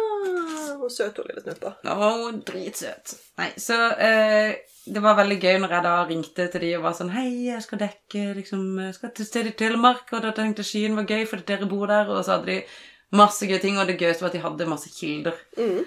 Eh, så shout-out til eh, dere to, for dere er dritkule. Shout-out til deres datter. Men ok, det som er gøy med ungen til Thomas og Marita, er at eh, når du forkorter navnet sitt, så blir det LOL. LOL. Det er det beste jeg har hørt. Vet det! Jeg elsker deg for det. De er så fine. Men Skien, da. Vi starter da rundt år 1000. Og da var det en såpass omfattende bosetning i Skien sentrum at det kan defineres som et tettsted i år 1000. Oi. Så det har, vært, det har vært noen der siden for evig. Ja, ja. Det er jo kjempegammelt. Eh, dette ble fastslått gjennom de arkeologiske utgravningene som ble ledet eh, av Siri Myhrvold, så shout-out til deg, Siri, eh, på slutten av 1970-tallet. Hva syns det er så kult når det er eh, damer som leder ting på 70-tallet? Shout-out til damer som leder ting på 70-tallet, og som Yes. fortsatt leder ting for øvrig. Ja, egentlig shout-out generelt. Er kvinner som er kule. Um, Dag Eilivsson er en av de første personene man kjenner til i Skiens historie. Han var lendmann på Bratsberg, og far til den senere så mektige Gregorius Dagsson. Gregorius. Bare, altså, når du kaller ungen din Gregorius, så har du bestemt deg for at han skal lede verden. Han skal helst bli pave. Helst skal han bli pave. Ja, særlig på 1000-tallet. Nei, for da hadde vi ja. Nei, nå, nå kommer historiegreia disku, denne diskusjonen har vi hatt før, og jeg tror vi bare kan konkludere med at vi vet ikke. Eh, Nei. Nei. I siste halvdel av 1000-tallet etablerte dagsetter seg som handelshøvdinger i området. Og i år 1102 vet man at Dag Eilifsson og hans menn fra Bratsberg reiste med Magnus Bærfødt på hærtog til Irland. Å ja, det var de. Yes. Ja ja, ok. Mhm. Så det er ganske altså, Det var jo uh, mors beste barn, kan man, kan man si. Ja, det er det man kan si. Det er sånn det er flere å si om vikinger. Mors beste barn der. Jeg regner med at mødrene deres antageligvis syns det. De, sy- altså, de gjorde jo det man gjorde på den tida. Ja. Det, vi må ikke si noe annet enn det. Rundt, eh, rundt år 1110 ble kirken på Kapittelberget Kapittelberget, ja. Nå, nå leser jeg ting som tre ganger, og bare, for jeg kan ikke si feil. Kapittelberg. Ja, eh, og dette er den eldste steinkirka man kjenner til i distriktet. Og noen år senere, rundt 1150, ble Gjerpen kirke reist. Mm. Eh, da hadde allerede benedikterklosteret på Gimsøy kloster blitt grunnlagt Nei, vent litt. Da hadde benedikterklosteret Gimsøy kloster allerede blitt grunnlagt på Klosterøya. Det var veldig mye kloster i den setningen. og man antar at dette skjedde rundt år 1115. Klosteret ble raskt en eh, viktig maktfaktor i distriktet, og Dags datter Baugeid At least she's named, eh, sier jeg bare. Hun hadde et navn! Hun hadde et navn. Yay! Yay for the women with names. Eh, Hun var en av klosterets eh, første abbedisser. Jeg liker det ordet. Jeg syns abbedisse er så gøy, for jeg ser for meg noen som disser masse. Ja, Veldig. Åh, det er så slemt. Nei, jeg Um, syns det er litt hyggelig. Jeg ser for meg en sånn, sånn mumletype. Du vet Mumlen i Mummitrollet? Ja! Som er bare kjempetjukk og kjempeblid. Og hun er så fin. Hun er veldig fin. Um, utover på 1200-tallet ble Gimsøy kloster et stadig sterkere makt, en stadig sterkere maktfaktor i området, og samtidig utvikla Skien seg til å bli en by med yrende liv og bebyggelse rundt havna, og Mariakirken, som lå midt i byen. Mhm. Så det er den kirka Jeg tror det er den som Der kirka ligger nå. I don't know. Jeg tør ikke å si sånne ting. Så jeg tror at det er den kirka som ligger i Skien, men det kan være jeg tar feil. Eh, men forhåpentligvis er det det. Tidlig på 1300-tallet ble havna utvidet, og mange hanseatere, engelske og hollandske kjøpmenn seilte opp Skien's elver. Var det et skipsrede? Nei, det var skipreide. Jeg har lært. Oh. Skipreide. Ikke S, det er ikke noe S sier du der. S på begynnelsen. ok. Å, bu! ok. I 1358 ble Skiens eldste privilegiebrev utstedt av kong Haakon den fjerde Magnusson. VI? Nei, sjette. Det er sjette. Fy faen. Åh, det er så lenge siden jeg lærte romertall. så du angsten som skjedde nå? Det er romertall! Skjønte det? Jeg bare, det er romertall, sant? Ja. Jeg bare, nei, hva om det ikke er romertall? Om det er, om det er Grekertall! grekertall. Grekertallene! Tis all Greek to me. Det all Greek. Ok. Eh, Byen ble offisielt en kjøpstad, da. Yay, Skien! Woo! Privilegiebrevet var i alle, fall delvi, eh, i alle fall delvis et resultat på en maktkamp mellom Skiens handelsmenn og klosteret, og senere utstedte privilegiebrev bekrefter at det var en slik konflikt. Hva er et privilegiebrev? Um, jeg kan trykke på den koblinga, men eh, det ligger i Word, så jeg vet ikke hva som skjer når jeg trykker på det. Vent, da. Kontroll-klikk for å følge kobling. Gi meg to sekunder. Kontroll-klikk. Dette tar lengre tid enn forventet. Nei. Det gjør vi òg. Ja. Jeg vil åpne dette i Google Chrome. This is correct. Første prigele...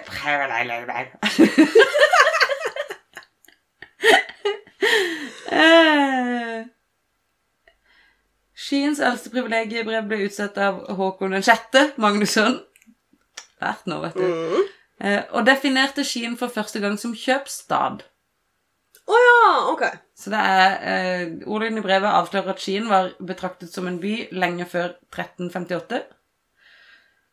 Eh, og så har de bare fortsatt med å sende sånne privilegiebrev da, med at Skien er dritbra. Det er en kjøpstad. Gå der, bo der, Så det kan ikke bare være en kjøpestad fordi det har vokst frem en kjøpestad. De må liksom få et brev fra kongen som sier at ja, dere er her. Altså, i Bra 1358 så var det sånn. Da måtte du få beskjed fra kongen om at du var flink. Nå får vi bare sånn Du fikk sekser på sendt med eksamen. en stakkars ridder på en sliten hest som kommer halsende med dette brevet, hvor det står Yay! sånn bretter opp en sånn kjempe sånn pergamentrull, og så står det bare 'Du er flink'. Nei, nei, Ja. nei, det det står er bare en sånn Du vet den der emojien som har sånn derre Sånn hurra-emoji? konfetti. Yay! Hei, Skien! You won! Åh, Å, det er akkurat sånn som skjer. det hadde vært veldig hyggelig. Eh, På 1400-tallet ble bysamfunnet bedre organisert, for fram til dette så har det vært litt mer sånn Jeg selger, du selger, det er masse folk her. Hanseatere, engelskmenn. Alle er der. We have no clue what's going on. Eh, så Skien fikk borgerstyre, som bestod av tolv rådmenn, og en L av to av disse ble utpekt som borgermester. To borgermestere. Faktisk. På denne tiden foregikk det en utstrakt uh, handel mellom hollendere, og flere av disse sto seg ned i byen. Så vi har altså da hollendere som Flyvende. Jeg alltid trodde var spøkelser. Ja, var de, fly- var de flyvende? ja, for det er litt sånn jeg bare sånn "Hmm, Is that a joke name? Nei Det da. Nei, jeg, trodde, jeg har aldri trodd det. Fordi jeg har sett på Friends, eh, og Joey sier sånn So Nei, hva, uh, hva den heter Chandler sier til Joey Joey, where does Dutch people come from? og så svarer hun eh, svarer sånn jeg vet ikke hva jeg skal svare. Cause it's from the Netherlands, right? Og så svarer Joey sånn No. Uh, because that's where Peter, Fra Peter Pan's from. Eller et eller annet sånt. Because it sounds like Neverland. Åh. Dutch people. Er det det samme som hollendere? Dutch?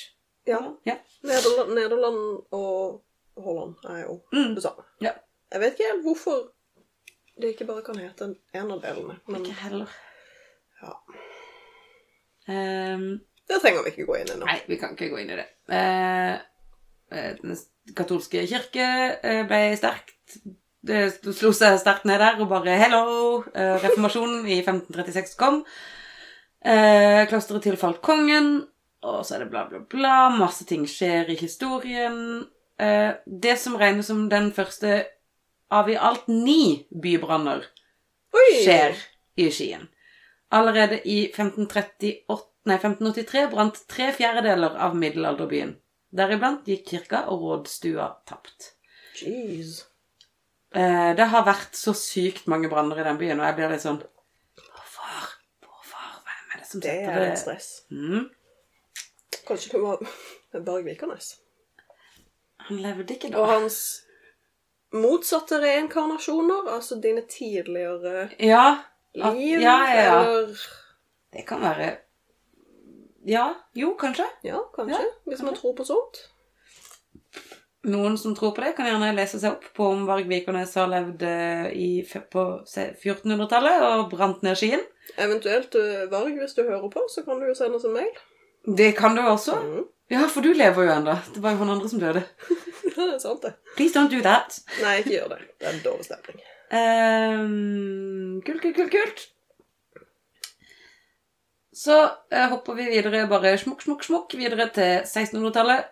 Eh, er det anslått å bo om lag 1000 mennesker i Skien sentrum. Til sammenligning bodde det rundt 2000-3000 men 3000 mennesker i Kristiania slash Oslo på samme tid. Oi! Hva sa du da? Så Ja. Skien har vært eh, ganske mm, kult. Mhm. I 1835 hadde byen 2158 innbyggere, og i 1885 hadde dette steget til 7538. Og da? Så de var flinke til å ligge sammen i Skien. Skryt til dere. Eh, Eller bare flinke til å ta imot folk som kommer utenfra. Ah, sant, men det burde vi jo bli flinke til nå også. Det burde vi Mer bli flinke flinke til nå også. please. Mer enn 50. Whoop, whoop. sær. Sær. Altså, det er jo mulig at det har til en løsning på denne forferdelige humanitære krisa innen denne episoden slippes. Det håper vi. Det håper vi vi. krysser fingrene for det. Men Åh, ja. Erna, skjerp deg! Skjerpings! Huh. Eh, Skien var dritflinke til å ta imot folk, så nå må dere også. Nå må vi også. Dere. Mhm. Alle sammen. Alle det er sammen. dugnad. Du, Det er dugnad, folkens. Akkurat den samme dugnaden som vi har gjort, bare på en litt annen måte. Ja. Kult, kult, kult. Det er det vi skal gjøre. Eh, nå går vi videre til det som kalles eh, opptur og katastrofe. På 1800-tallet var eh, Skien preget av store forandringer forandringer og rivende utvikling. Men dette endte i en fryktelig katastrofe, for byen hadde fortsatt en viktig posisjon som handels- og industriby. Men i 1815 hadde Skien om lag eh, 1800 innbyggere, og i 1836 opprettet Norges Bank en avdeling i Skien. Det var mange teknologiske nyvinninger på denne tiden, og, var, og i Skien var man tidlig ute på mange områder. I 1862 ble Nordsjø-Sien-kanalen åpnet, og to år senere, i 1864, ble det åpnet et gassverk som forsynte Skiens beboere med gass og varme. I 1864! Jeg bare Herregud! Jeg vet ikke om det er veldig tidlig i forhold til andre steder. Er det det? I, I don't know, jeg bare føler at liksom de eneste som hadde gass i 1864, var liksom Amerika. Once again, I prove my, my Jeg, historical jeg har absolutt ingen anelse. Men det er jo det er ikke bare 19 pil og bue. Det er 18 pil og bue. Ja, det er 18 pil og bue. I 1882 kom Vestfoldsbanen til Skien, og Norges første elektrisitetsverk som leverte strøm til abonnenter, eh, Laugstolbruk, startet i Skien i 1885. Oi, jøss. Helt sykt. Så hvis man vil jobbe med innovasjon og nyvinninger, så burde man egentlig flytte til Skien. Høres ut som det er stedet. Iallfall i 1885. Eller Men eh, kanskje vet ikke helt altså Det har jo da vært ni bybranner, så det som ofte har skjedd, er at liksom Skien har måttet bygge opp fra bunnen igjen. Gang på gang på gang på gang. Ja, det er litt dårlig stemning. Eh, de har jo da lært etter hver bybrann, tror jeg. For nå har det jo ikke brent der på veldig mange år. Mm. Så tydelig at det er liksom sånn Vi bruker mye myr, vi har litt avstand mellom husene våre. I motsetning til f.eks. Posebyen i Kristiansand, som er bare sånn Vi ligger tett i tett, så hvis en brenner, så dør alle. Ja. Sånn er det vel egentlig i alle byer hvor det er gammel trebebyggelse. Ja. Alle husene ligger litt sånn helt sånn oppå hverandre. Ja. Sånn alle husene koser litt. ja, det ser ut som de klemmer. Ja, det er veldig fint. Det er veldig fint, men også livsfarlig. Eh, definitivt livsfarlig. Eh, Heldigvis så har eh, smarte brannmenn opp gjennom tidene klart å eh, komme på lure måter å lage sånn brannsikkerhet mellom etasjer og brannsikkerhet mellom og Så finnes det jo heldigvis noe som heter sprinkleranlegg. Å, sprinkleranleggene. Altså, altså, når de kom. Yes, nå har jeg hoppa over eh, liksom, store greier, men dere vet det viktigste er at det har vært så mange bybranner. Det har vært folk der fra Tidlig, tidlig, tidlig, tidlig. Tidlig mm. eh, og Tidligtallet! og eh, ja, ganske mye dramatiske ting som har skjedd. Og i eh, Nå går vi videre inn til der eh, jeg skal først snakke om. Det er Høyers hotell. Høyårshotell. Det ligger eh, smack in the middle of eh, Skien, Skien, Mm. eh, med utsikt mot Skienselva, eller den elva, da. Eh, veldig fint. Jeg har vært der. Eller jeg har Mm. ikke vært inne på hotellet, men jeg har vært og spist på liksom, restaurantene som ligger rett ved der. Mm.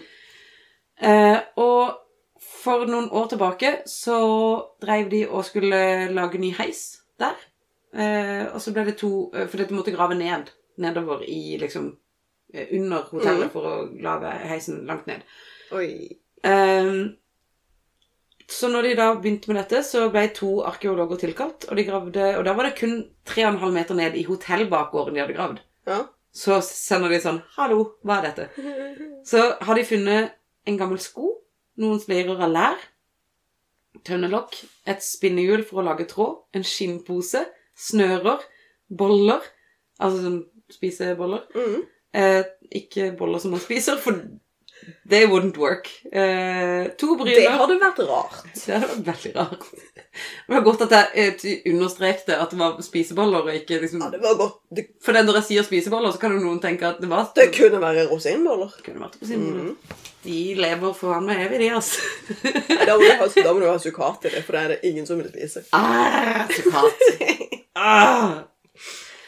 Og en hestesko er blant det som er funnet. Eh, Stokker og en planke som ble, funn, som ble funnet er deler av en brygge. Fordi at i middelalderen så gikk vannkanten til der rådhuset ligger i dag. Ja, selvfølgelig. Mm. Så funn av enkle forbruksvarer som er lokalt produsert, kan tyde på at kanskje en skomaker har holdt til ved bryggene med et lite verksted. Eh, Og sist man gjorde middelalderfunn i Skien var på 70-tallet. Dette er vel fra ja, tidlig 2000-tallet, Mm. tror jeg. Um, og da fant jeg det ved der, for de av dere som bor i Skien, og meg som har vært der, rett ved rådhuset, og der Arkaden ligger nå. Mm. Og det er ganske sykt, for det er liksom sånn Det er eh, skralt med arkeologiske funn i Skien fordi at mange bybranner har brent i stykker alt. Ja. Så grunnen er av leire, og den er dekka av flis fra de mange vannsagene, for det er liksom det Skien er ganske kjent for at de hadde masse Altså, de sendte jo eh, tømmer nedover elva, Mm. så det er masse vannsager og flis overalt. Eh, for flisen ble brukt for å fylle ut havna. Eh, I 1184 ble Skien nevnt i Sverres saga, og i 1358 fikk Skien status Ja, det har vi snakka om, eh, at han fikk status som kjøpstad. Mm. Eh, og eksport av bryner og senere tømmer gjorde Skien til en rik by som vokste raskt. Men alle middelalderhusene gikk tapt i 1583, og etterpå i 1671. Det var den eh, mangla liksom. Ja. Nøyaktig datering er ikke klar på dette, men de er ganske sikre på at eh, med utgangspunkt i hvor dypt ned man fant gjenstandene, eh, kan funnene stamme fra 700 år tilbake i tid. Og dette er da funn som ligger under hotellet. Så sykt kult. Der, oppå der, så er det nå et digert hotell. Mm. Eh, Det er nå Thon hotell. Det som var veldig gøy når jeg prøvde å researche denne historien, var det at det er jo Thon hotell. Eh, Og Thon hotell er Altså, ingen hat til deg, Thon. Eh, høflig mengde hat. Eh, Men det er iallfall fryktelig vanskelig å lese seg opp på historier til Høyers hotell. Eller Ja. Høyer hotell. Fordi det bare er hvordan jeg skal sove. Eller hvordan det ser ut der. Og jeg bare But I don't care! Jeg vil ha historien! Så kjære Ton, Olav, kjære Olav. Kan du være så snill og bare liksom Vær kul og legg ut historien om hotellene dine. For det, Jesus Christ, du har masse fete plasser å ha disse hotellene på. Use them! Det eneste de, det som er kult, da, er at han som eh, jobber der Jeg tror det er nå, han som jobber der nå, som er eh, direktør på hotellet. Mm. Dødsgod på historie. Problemet er at jeg bor ikke i Skien og kan ikke møte han. Mm, nei, det setter jo en liten stopper for en del. Yes. Så derfor, Olav Thon, please, kan du være snill og skrive historien om hotellene dine, for det er så fett. Alle vil høre skumle historier om hoteller. Absolutt. Og mens Så- du er i gang, så kan du godt betale de ansatte litt bedre. Det, altså. Nå, Men det trenger vi ikke snakke om. nei, nå var Sara mye flinkere politisk enn meg, så det Sara sa, var helt rett. Nå ser jeg på mikrofonen som om han er Olav Thon. Det er han ikke. Men uh, hyggelig.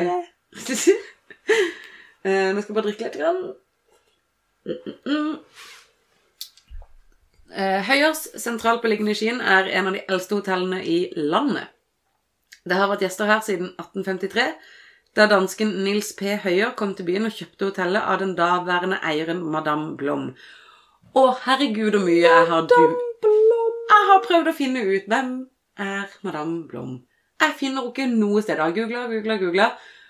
Altså, jeg har Madame? Er det en tittel man bruker? Altså, hun Det jeg tror, fordi at jeg har funnet etternavnet Blom Mm. tilbake i den historien til eh, Høyerhotellet. Eh, og sånn som jeg forstår det, så er hun på en måte en datter av en av de som eide hotellet før. Mm. Og så har hun bare fortsatt å ha det fram til Mm. da Nils P. Høyer kom og overtok det. Men det vet jeg ikke om er riktig, for jeg har prøvd å finne ut av hvem Hvem er Madame Blom? Og jeg klarer ikke å få noen sånne spesifikke svar. Men når du skal til Skien, så går du på biblioteket, og så sier du 'Hei, fortell meg om Madame Blom'. Yes! Så det er min Finner plan. du en bibliotekar, og de vet jo alt. Det gjør de. Hvorfor vi elsker bibliotekarer. Så eh, eh, når jeg da har googla dette og lagt det inn i et sånt Word-dokument, så står det rett under 'Ønsker du å vite mer?' Og så tenker jeg sånn 'Hæ, har jeg ikke sett dette før?' Og så leser jeg videre 'Nå kan du snakke gratis med en klarsynt fra Magic Circle i hele tre minutter.' Jeg bare nei. Det er ikke det jeg trenger. Jeg vil vite mer om Med Madame mindre de kan fortelle hvem Madame Blom er. Men er det en sikker kilde? Det er ikke Wikipedia heller. Det er veldig sant. Men det er litt sikrere enn uh, Magic Circle. Jeg regner med det. Jeg tror det. Ok. I løpet av de eh, 156 årene Høyers har, eh, Høyer har eksistert, har hotellet huset mange personligheter. Blant annet Henrik Ibsen og krimforfatteren Sven Elvestad, som for øvrig døde her. Å ja vel. Og Elvestad er vel egentlig best kjent eh, for, eh, for oss eh, vanlige dødelige som eh, Stein Riverton, og skapte i sin tid kriminalfiguren Knut Gribb. Det ringer absolutt ingen bjeller. Gjør det ikke? Ok, jeg har jo Men jeg hatt har lest veldig, veldig lite norsk krim. Ja, nei, eh, dette, han er jo en av de som er Han er kjempekjent. Mm. Han har skre, det han skriver eh, Jeg har lest bitte grann av det. Eh, fordi at når jeg, jeg har jo en greie med at jeg elsker å på lydbok. Eh, og Stein Riverton var en av de bøkene som jeg bare kunne få, jeg kunne få alt av det. Men problemet var at jeg ikke klarte å få en ordentlig sånn, forståelse av hva det handla om. Men jeg syntes det var veldig gøy. Fordi at det var gammelt. Jeg var sånn type Jeg vet ikke, husker du for sånn 100 år siden når vi var barn og vi de hadde reiseradio, så hadde de Dickie Dick Dickens. Ja. Dickie Dick Dickens! Det var litt sånn det føltes med Stein Riverton sine bøker. Litt sånn Litt som å høre på radioteater, Ja. egentlig. Åh, good kjempegøy. times. Eh, så eh, den første historien jeg nå skal dekke, er godeste Riverton, eller egentlig da Svein, eller Sven Elvestad. Mange beskriver Elvestad som en stjernereporter, en mesterlig kåsør, og fremfor alt er han Norges mest betydningsfulle kriminalforfatter. Mm.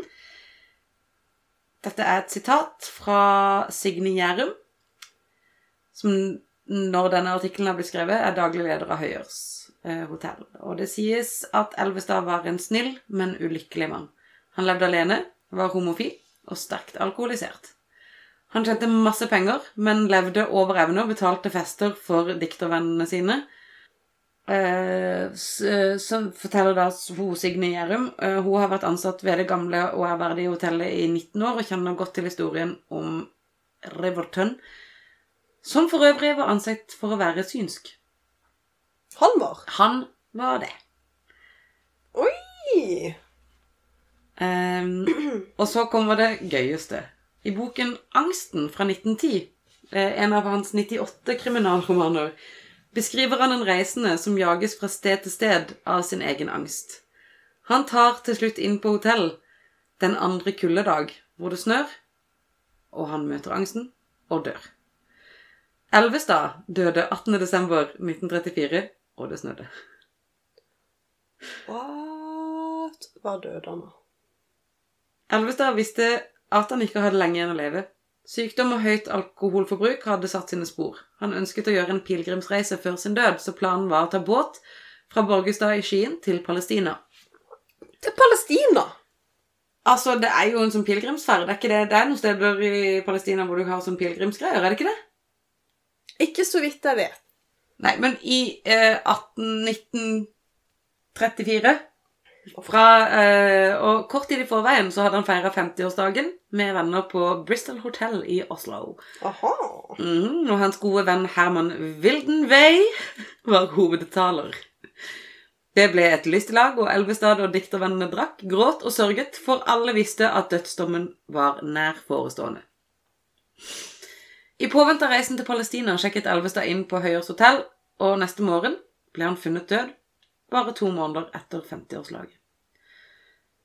Det verserer flere historier om hvordan og hvor han ble funnet. Lokalavisen Varden skrev at han døde ensom på rom 208.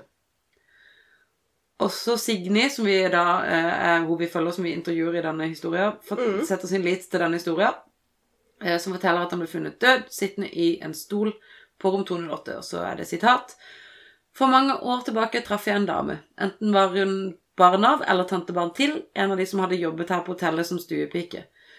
Den historien denne damen fortalte meg, var at de fant Elvestad død om morgenen da de kom inn for å stelle rommet. Visstnok hadde han sjekket ut av hotellet for å dra på båten, men så ble den forsinket, og derfor så kom han tilbake til hotellet Eh, det jeg har hørt, og som jeg synes høres logisk ut, er at ettersom han måtte bo her en natt til, så fikk han nøkkel til rommet, gikk dit og bestilte seg en flaske portvin. Så han har drukket seg i hjel. Mest sannsynlig. Men det freaky her er jo at han har skrevet en bok om en fyr som gjør akkurat det samme. Bare sånn Det This is how samme. I go. Det er veldig rart. Eh, Det lå lenge et mystisk slør over dødsfallet på Høyre hotell, men antageligvis døde Elvestad av, naturlige års årsaker. Mm. Men hvor gammel var han? 50. 50. I Bernt Rogdsvets biografi om Riverton kan vi lese at krimforfatteren veide 150 kilo, drakk ei flaske konjakk til frokost, 12-14 liter vin per dag og røkte 120 sigaretter. Det var Nei, det går ikke an. helt ok hvis du dør når du er 50 da, altså. 12-15 liter vin. Ja, Hvordan rekker du å røyke 120 sigaretter om dagen? I don't know. Ja, det var vel lov å røyke overalt på den tiden. Ja, det var det. Ok, da er det faktisk ikke så rart. Nei, ja. Det gikk eh, faktisk 56 år før de uforklarlige hendelsene begynte. Mhm. Første gangen Elvestads gjenferd, og nå er de, sikre, de er helt sikre på at det er Elvestad som går igjen, eh, var i 1990, bare uker etter at de fikk tilsendt et spisemøblement fra Bristol Hotel i Oslo. Så fra 50-årslaget som ble sendt videre til Høyerstad. Så en stuepike kom opp i annen etasje for å rydde rommene, og idet hun kikket inn på rom 208, Mhm. der møblementet var plassert, oppdaget hun en mann som satt ved langbordet. Mannen så gammel ut, og han må ha vært storvokst, for skuldrene hans gikk over den høye stolryggen. Stuepiken gikk bortover gangen, men skyndte seg tilbake for å spørre om det var noe han ønsket. Der satt ikke mannen der lenger. Dette er jo da Signy som forteller. Hvorfor tror dere dette var Elvestad? Så svarer hun møblene, og det faktum at forfatteren var hele 1,97 eh, centimeter høy. Og ser ut til Jeg, jeg skjønte sjøl, jeg bare Nei. Eh, 1 meter og 97 cm høy. Å, shit, det er høyt. Så høyere enn Fredrik der. Ja, da er man ganske høy. Eh, det ser ut til å knytte ham og Jernferdet sammen. Spesielt Det spesielle var at han døde her i huset 56 år tidligere, men først da møblene kom fra Bristol, markerte Elvestad sin tilstedeværelse. Det er kjemperart. Men de, de fikk møbler tilsendt fra Bristol, og så satte de de tilfeldigvis inn Ikke på det rommet. Nei, nei, nei, de fikk jo disse møblene fra Bristol fordi de visste at dette var en del av ikke sant, 50-årslaget til Og så det er liksom i anførselstegn Elvestad-rommet. Ja. 208 er Elvestad-rommet. Ah, ok, Det heter ok, det er Elvestad-rommet. Det er flere forklarede ting. Verken Signy eller eh, flere av stupingene tror på spøkelser. Men likevel betviler ikke Signy det folk har opplevd på hotellet. For hun har sjøl opplevd uforklarlige ting. Eh, sitat. En kveld jeg satt ved sentralbordet, registrerte jeg en utgående samtale fra rom 208. Jeg syntes det var merkelig, for jeg visste at det ikke skulle være noen på rommet, så jeg skyndte meg opp for å undersøke, og selvfølgelig var det ingen der. Å, fy faen, creepy. Ja, bare hvem og, og liksom Jeg vet ikke hvordan sentralbord dette er, men er det sånn at du liksom kan, Hvis du hadde tatt den, liksom sånn Kunne du da hørt hvis noen snakka? Uh, når var dette? På 90-tallet? Ja, 94? 95? Det tviler jeg på. Ja, det er bare en sånn call transfer-type. Det er sentralbord. Du sitter ved et sentralbord, liksom. Vet ikke hvordan sentralbord fungerer. Nei, det gjør egentlig ikke jeg heller. Nei. Dette er også en ting vi har lyst til å lære dere, så bare forklar oss det på Instagram eller Facebook. Eller e-post. Hvis noen vet noe om hvordan sentralbord funka på 1990-tallet. Yes, did they even work? Uh... Jeg vet ikke. Vi kan spørre våre mødre om dette. De levde jo på den tiden. Eller det gjorde jo vi også. det da. gjorde vi også, Sara. Men eh, vi skjønte Da kunne vi Altså, vi hadde ikke så mye med sentra sentralbord å gjøre Nei, vi hadde som tiåringer. mest Det gøyeste vi visste, var vel å leke. Ja, egentlig. Men neste historie er fra samme sted. Våren 1995 var det en mann fra Wales som stiftet bekjentskap med den usynlige gjesten. Martin Rumbold våknet midt på natten og både følte og hørte at det var noen i rommet. Etter å gjentatte ganger ha slått lyset av og på for å sjekke om det var noen inne hos ham, ble han irritert. Det hadde jeg også blitt. Det ble, det ble tydeligvis også ånden som var på besøk. Rumbold følte at noen tok hardt i beina hans, hvorpå både mann og seng ristet så kraftig at han nesten falt i gulvet. Bevegelsen varte i 20-30 sekunder.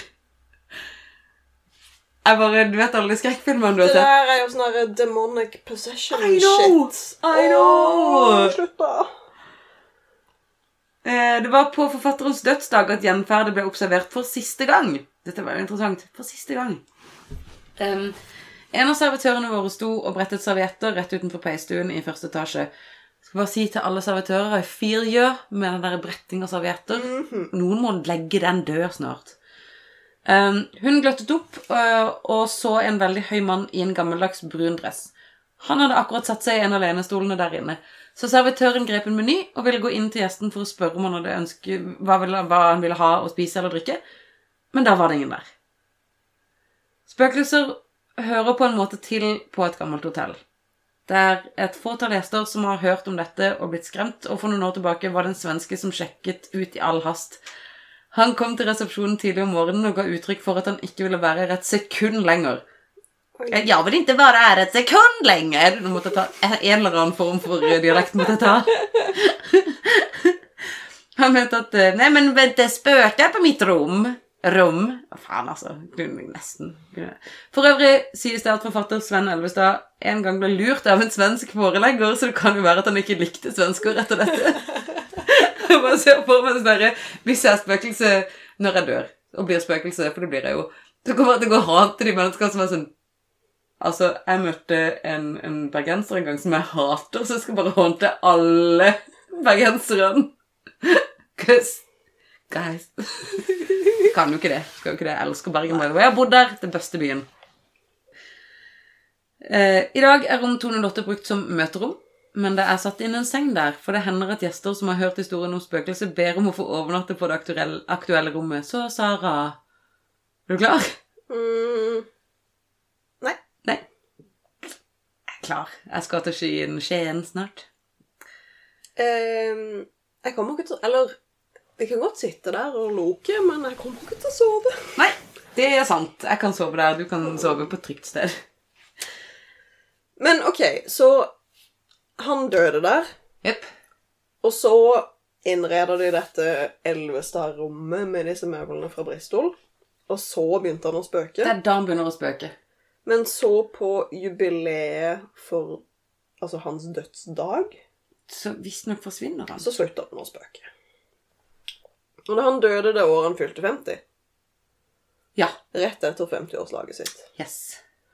Kanskje han hadde et lite behov for å Altså, når de møblene ble brakt i hus, kanskje han hadde et lite behov for å ha sitt eget lille 50-årslag en gang til? Kanskje? Og så stakk han sin vei etter det? Ja, altså Ja. Det er jo veldig mystisk hvis han bare holdt opp. At, altså, ja, jeg skjønner heller ikke hvorfor han skal ha holdt opp. Men jeg tror eh, Det står vel egentlig ikke noen forklaring om det. For nå driver jeg og eh, leser litt om eh, han som jobber der nå.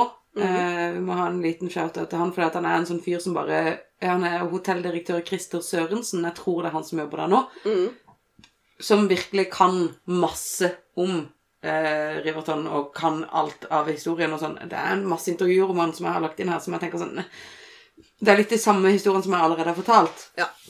Så jeg gidder ikke å fortelle dem, men likevel sånn shout-out til han fordi at han driver og har sånn mord på høyerskvelder hvor han oh, sjøl ble drept og sånne ting. Så han virker som en sånn fyr som virkelig respekterer historien, da. Mm. Så eh, kult av deg. Da må vi jo nesten dra dit. Vi må det. Vi må dra dit og si at hei, vi har dekka dere, vi vil gjerne vite alt. Ehm, døds, altså, nå leser jeg litt sånn andre sitater jeg har funnet her, men dødsfallet til Elvestad var i seg selv ikke så mystisk. Dødsårsaken var trolig slag eller massiv hjerteinfarkt. Ja. Men et snev av mystikk finnes det likevel. Fra 20 år tidligere i romanen 'Angsten' skrev forfatteren om en alkoholisert forfatter som tar inn på et hotell i en småby og dør der. Jeg syns det er så fancy at du har skrevet om din egen død uten å vite det. Eller det var 20 år tidligere at han skrev den boka. Ja, Kan jo ha vært planlagt. det kan jo det. Det kan jo ha vært at han har tenkt hvis jeg skal dø, så skal jeg dø sånn. Eller så skrev han den boka, og så tenkte han at nei, nå gidder jeg ikke leve lenger, men nå skal jeg lage litt spetakkel. Så da bare drar jeg til et hotell i en liten by, og så dør jeg der på denne dagen, og så kan folk virkelig lure. Åh, det er fint. Det er det der, vet du. Det er det der. Og så, dere, siden jeg først var i Skien, så er det sånn Nå har jeg dekka eh, Høyres hotell, men egentlig så burde jeg Fordi at det som skjedde, var at jeg eh, snakka med min gode venn Thomas Berentsen Lien. Eh, jeg digger deg, Thomas. Du er en av de feteste jeg kjenner. Eh, takk for Tante Pose-dubben din. Det er den gøyeste som fins på YouTube. Tante Pose. Eh, men Thomas eh, anbefalte meg å ringe til Henrik Bø Larsen. Mm. Eh, fordi han driver og har en sånn spøkelsesvandring i Skien. Og da er det liksom hele Skien, og så ringte han i dag, og så sier han sånn Ja, det er kult at du dekker Høyres, liksom, men du burde dekke Brekkegård. Mm. Søndre Brekke er da det Brekkegård, dette her. Så det må jeg gjøre. Fordi der er det en dame som går igjen. Den grå dame, og hun er det eneste politiske spøkelset i hele Norge. Det er bare sånn, det er så fett. Jeg bare kødder med meg nå. Bare, nei, nei, nei, nei, det er helt sykt. Og nå prøver jeg All about it! prøver å gjengi så godt jeg kan dette. Det er jo ikke så lett, for det at jeg, eh, alt jeg fikk fra han, skrev jeg jo ned mens han snakka på telefonen, så det er liksom eh. Skal vi se. Det som er greia, er at eh, um, måten Altså, det er mange origin stories om hvordan den grå da- dame oppsto, men en av historiene er det at eh, hun er tans, tante Tansa Tanta til Nils Aall, eller Aal, som, fikk, eh, som var en av de som fikk til møtet på Eidsvoll eh, når liksom det store møtet på Eidsvoll skjedde. Ah. Skal vi se Og på 1800-tallet eh, Ja, så skal de ha en sånn stor eh, På 1800-tallet kommer dette frem. Riktig. Eh, på 1800-tallet, som da dette skjer, så er prins Christian Fredrik kommer liksom og drar på besøk til de som har satt i gang dette. Altså da Nils Aall og de. Og Nils Aall sin tante eh, ligger da for døden. Mm. Men eh, prins Christian Fredrik var en partyløve. Så han var sånn Fuck dere, om tanta di ligger og holder på å dø. I don't fucking go. Jeg skal, jeg skal ha fest. Jeg skal Steke. jeg skal ha det så gøy, jeg skal drikke meg drita. Alle dere er dumme. Eh, så eh, familien var jo sånn Ja, ja, det er jo prinsen, så hva skal du gjøre, liksom? Nei, hva si- skal du gjøre? Nei, du er dum. Oh, full of his head. Ja, nei, Ja. gå på fest med prinsen. Så eh, da er det en stor, eh, svær fest, og i det hele tatt, mens tanta ligger og dør i andre etasjen. Oh. Og det er en av liksom the origin stories til hvordan den Hun grå døde mens de dansa på bordet. Yes, på Brekkegård. Og etter dette, så uh, liksom sånn Det er da etter dette at man har sett henne liksom repetitivt. Men denne historien er skrevet av Henrik Wergeland. Uh, ok. For egentlig så døde tanta en uke før i Porsgrunn. Uh, Henrik Wergeland eh, sin far og Nils Aas, som vi snakka om helt i begynnelsen, Ja. var motstandere på Eidsvoll. Ok. Eh, Wergeland var svenskevennlige, mens Aas-familien ville stille opp eh, liksom at Norge bare Nei, vi skal være alene, og vi kriger. Mm. Eh, så derfor så er eh, denne historien skrevet sånn at folk skulle være sånn Shit! Prinsen suger, og bla, bla, bla, bla. bla. Så det er en politisk historie som bare har blitt sånn Alle trodde det var the origin, Og så bare sånn Nei, det er ikke derfor. Eh, hun eh, Ja. Ble jo skrevet, eller The Origin Story var da rett og slett at hun gjorde det hun gjorde, eller han ble skrevet av Wergeland for å bevise at nei, eh, Aas-familien suger. Så eh, Det var veldig modent gjort av han, syns jeg. det var bare sånn åh, det beviser et eller annet for meg. Som jeg liker veldig godt. Jeg vet ikke. vi skal begynne å gjøre det, hvis det er noen vi ikke liker, og bare skrive sånn kjipe historier om de. Ja. Og så hvis vi liksom bare Hvis vi skriver kjipe spøkelseshistorier om det Ja, ja, ja, ja, det er dritbra. Ok. Eh, det er masse masse opplevelser fra Brekke, eh, både med Den grå dame og andre. Men eh, Den grå dame har blitt kalt eh, et ADHD-spøkelse. Fordi at hun eh, er sånn som når, Jo flere folk det er, jo mer aktivitet er det fra henne. Eh, og alle som jobber på dette museet, har sett eller opplevd henne på en eller annen måte. Og når jeg snakka med han Henrik i går Mm. I dag, unnskyld. I dag. Mm. Eh, så sa han liksom Ja, nei, jeg har jo hatt en sånn spøkelsesvandring i dag. Mm. Og da opplevde jeg henne. Jeg bare Hæ? Du Herregud. Nei? Og han bare jo, jo. Um, og alle i publikum også, for det var under spøkelsesvandringa, så var de inne i et eller annet sted hvor det liksom ikke dekker er noe strøm, det er ingenting. Og det kom en sånn vanvittig lysglimt som bare så, lyste opp alt, så var det vekk igjen. Og han bare Nei. De aner ikke hva det var. Det er ikke noe strøm der. Det er ikke noen... Nei, de var ute på utsida, sånn var det. Helt sykt. Um, og en annen opplevelse han hadde, det var jo ikke i dag, da, men uh, en annen opplevelse han hadde, var på høylys dag med publikum. Han står og liksom har en sånn Publikum ser mot han og huset, og han ser liksom utover mot en annen vei. da, jeg vet ikke hva han ser. Men da, eh, mens han står der og forteller, så går hun bare rolig forbi bak publikum. Og sakte forbi. Og da ble jeg sånn Hæ? Ja, men så hun på det, eller gjorde noe? Han bare Nei, nei. Eh, hun gikk fra kjøkkenet ut til stua og forsvant ved vinduet. De var inne. Sånn var det. Men gjør noe mer av seg? Eller bare liksom Sånn som han driver og fotobomber folk og bare Bare sniker seg rundt. Hello! Og så Um, stikker av igjen. A ghost? det vet jeg ikke, men jeg tror jo liksom sånn eh, ut ifra Vi vet jo hvordan hun egentlig døde. eller sånn, Vi tror jo hun døde en uke før i Porsgrunn. Men om hun bare Ja. av naturlige årsaker. ikke sant? Og om det er hun i det hele tatt. Det kan jo være noen andre. Det kan jo være en annen grå dame. Det trenger jo ikke å være tanta. Det er, jo, det er jo faktisk sant. så, Og da vet vi iallfall ikke hvordan dette, mennes, dette menneskelige ordspøkelset har oppstått. Ja, men altså, som vi har snakka om tidligere, så var det vel liksom i, i føretida så var det vel mye vanligere å ha folk hjemme når de var gamle og syke. Ja. Fordi at folk døde hjemme. Mm. Eh, og hvis det der er et dritgammelt hus hvor det har bodd folk i generasjoner, så er det jo sikkert en haug med folk som har daua der. Alle har jo dødd der. Alle, Alle- hele, alle hele døde verden der. døde Det er der folk kommer for å dø. Ja. Ja. Det er litt som Steinriv at han eh, altså sånn, Han også dro på hotellet for å dø. Altså, ja, altså, Ja, kanskje, kanskje Skien er stedet å dø? Kanskje. Kanskje vi skal flytte dit når vi blir gamle. Ja, kanskje vi skal det. Flytte inn på Brekke gård. Ja. Hei, hei. Og Henrik, hello. um, eh, han har også en sånn, for de driver jo og rigger ting og, og gjør klar ting, så hadde de rigga inn noe lydlysgreier, um, han og en kompis. Og Henrik da går ut en tur for å rigge noe i parken på utsida, eh, og kompisen blir igjen inne. Og så um, hører kompisen at Henrik kommer tilbake, og begynner å snakke til han og bare ja, ja, nå er jeg snart ferdig med dette, åssen gikk det i parken? Får han svare, skjer? Hvorfor svarer ikke? Og så snur han seg, så er det ingen der.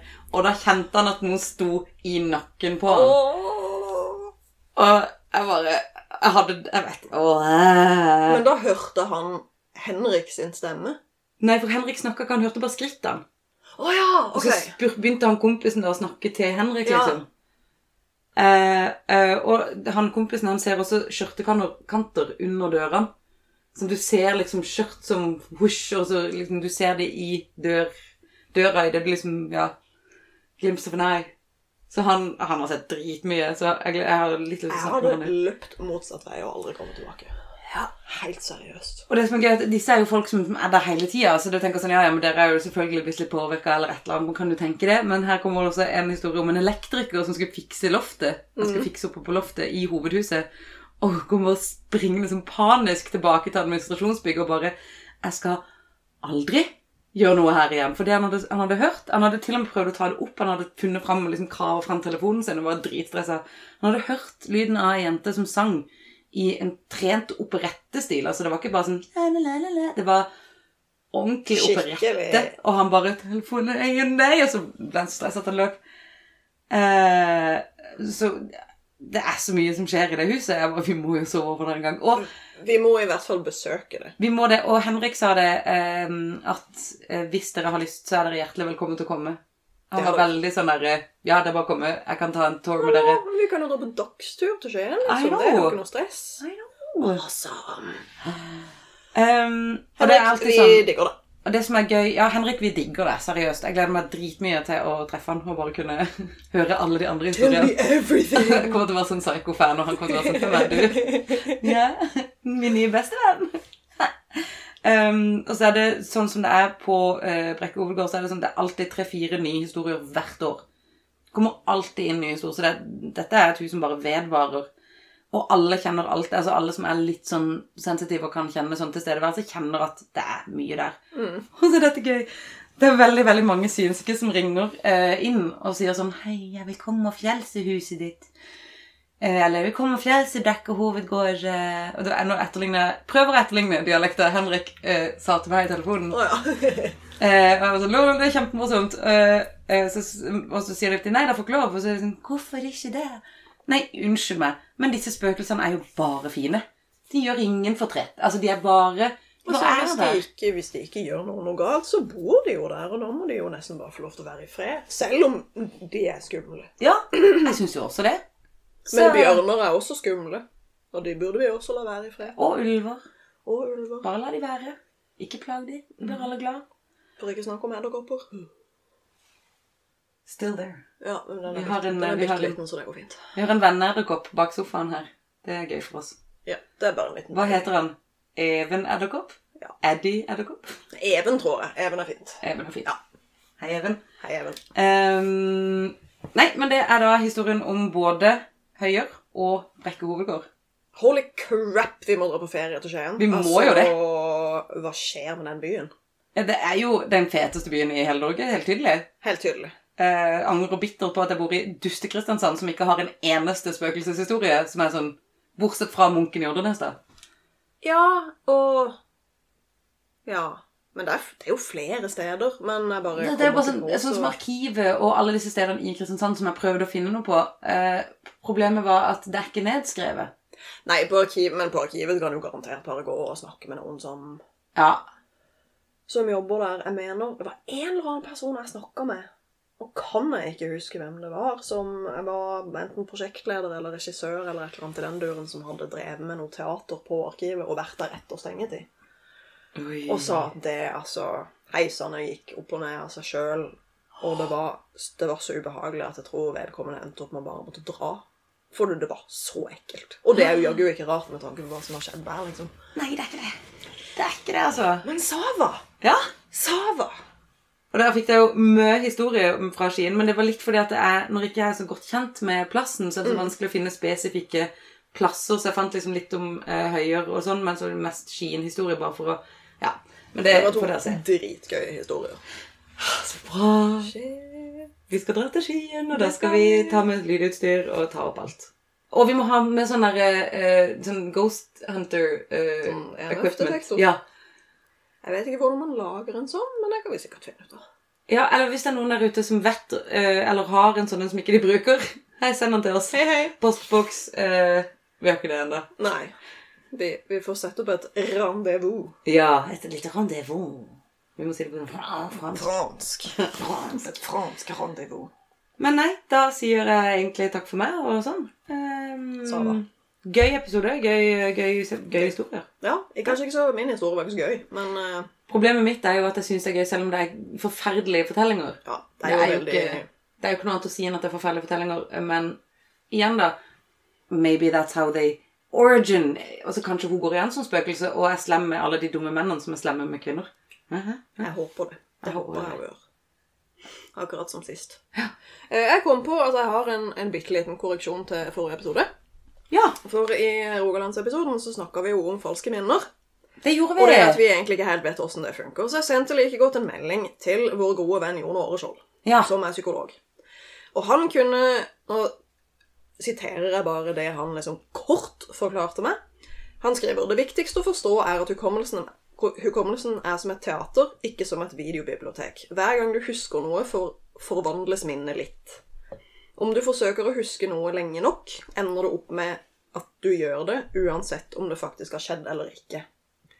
Så det er jo omtrent det samme som det vi antok med de falske mennene til han som var sikta i Ja. Tina-saken. At han faktisk- kanskje har Eller vi vet jo ikke, men at han kanskje kan ha prøvd å huske hva han gjorde den kvelden så lenge at han Til slutt, til slutt endte opp med å huske at han tok livet av Tina når han egentlig ikke gjorde det. For en grusom ting. mind, y'all! Men altså, for en grusom ting å tro at du husker. Helt forferdelig. Stakkars mann. Ja, masse medfølelse med han. Mhm. Og det skremmer vettet av meg, for altså, nå har jeg veldig sjelden uh, følt at jeg har drept noen ever. Um, Tror ikke det er en tanke som har streifa meg. nei, men allikevel så er det, liksom, det er alltid litt sånn der Tenk hvis the human mind kan Altså hvis menneskesinnet kan gjøre det der, så Ja, ja, ja. altså, hva, hva, hva kan ikke menneskesinnet gjøre, liksom?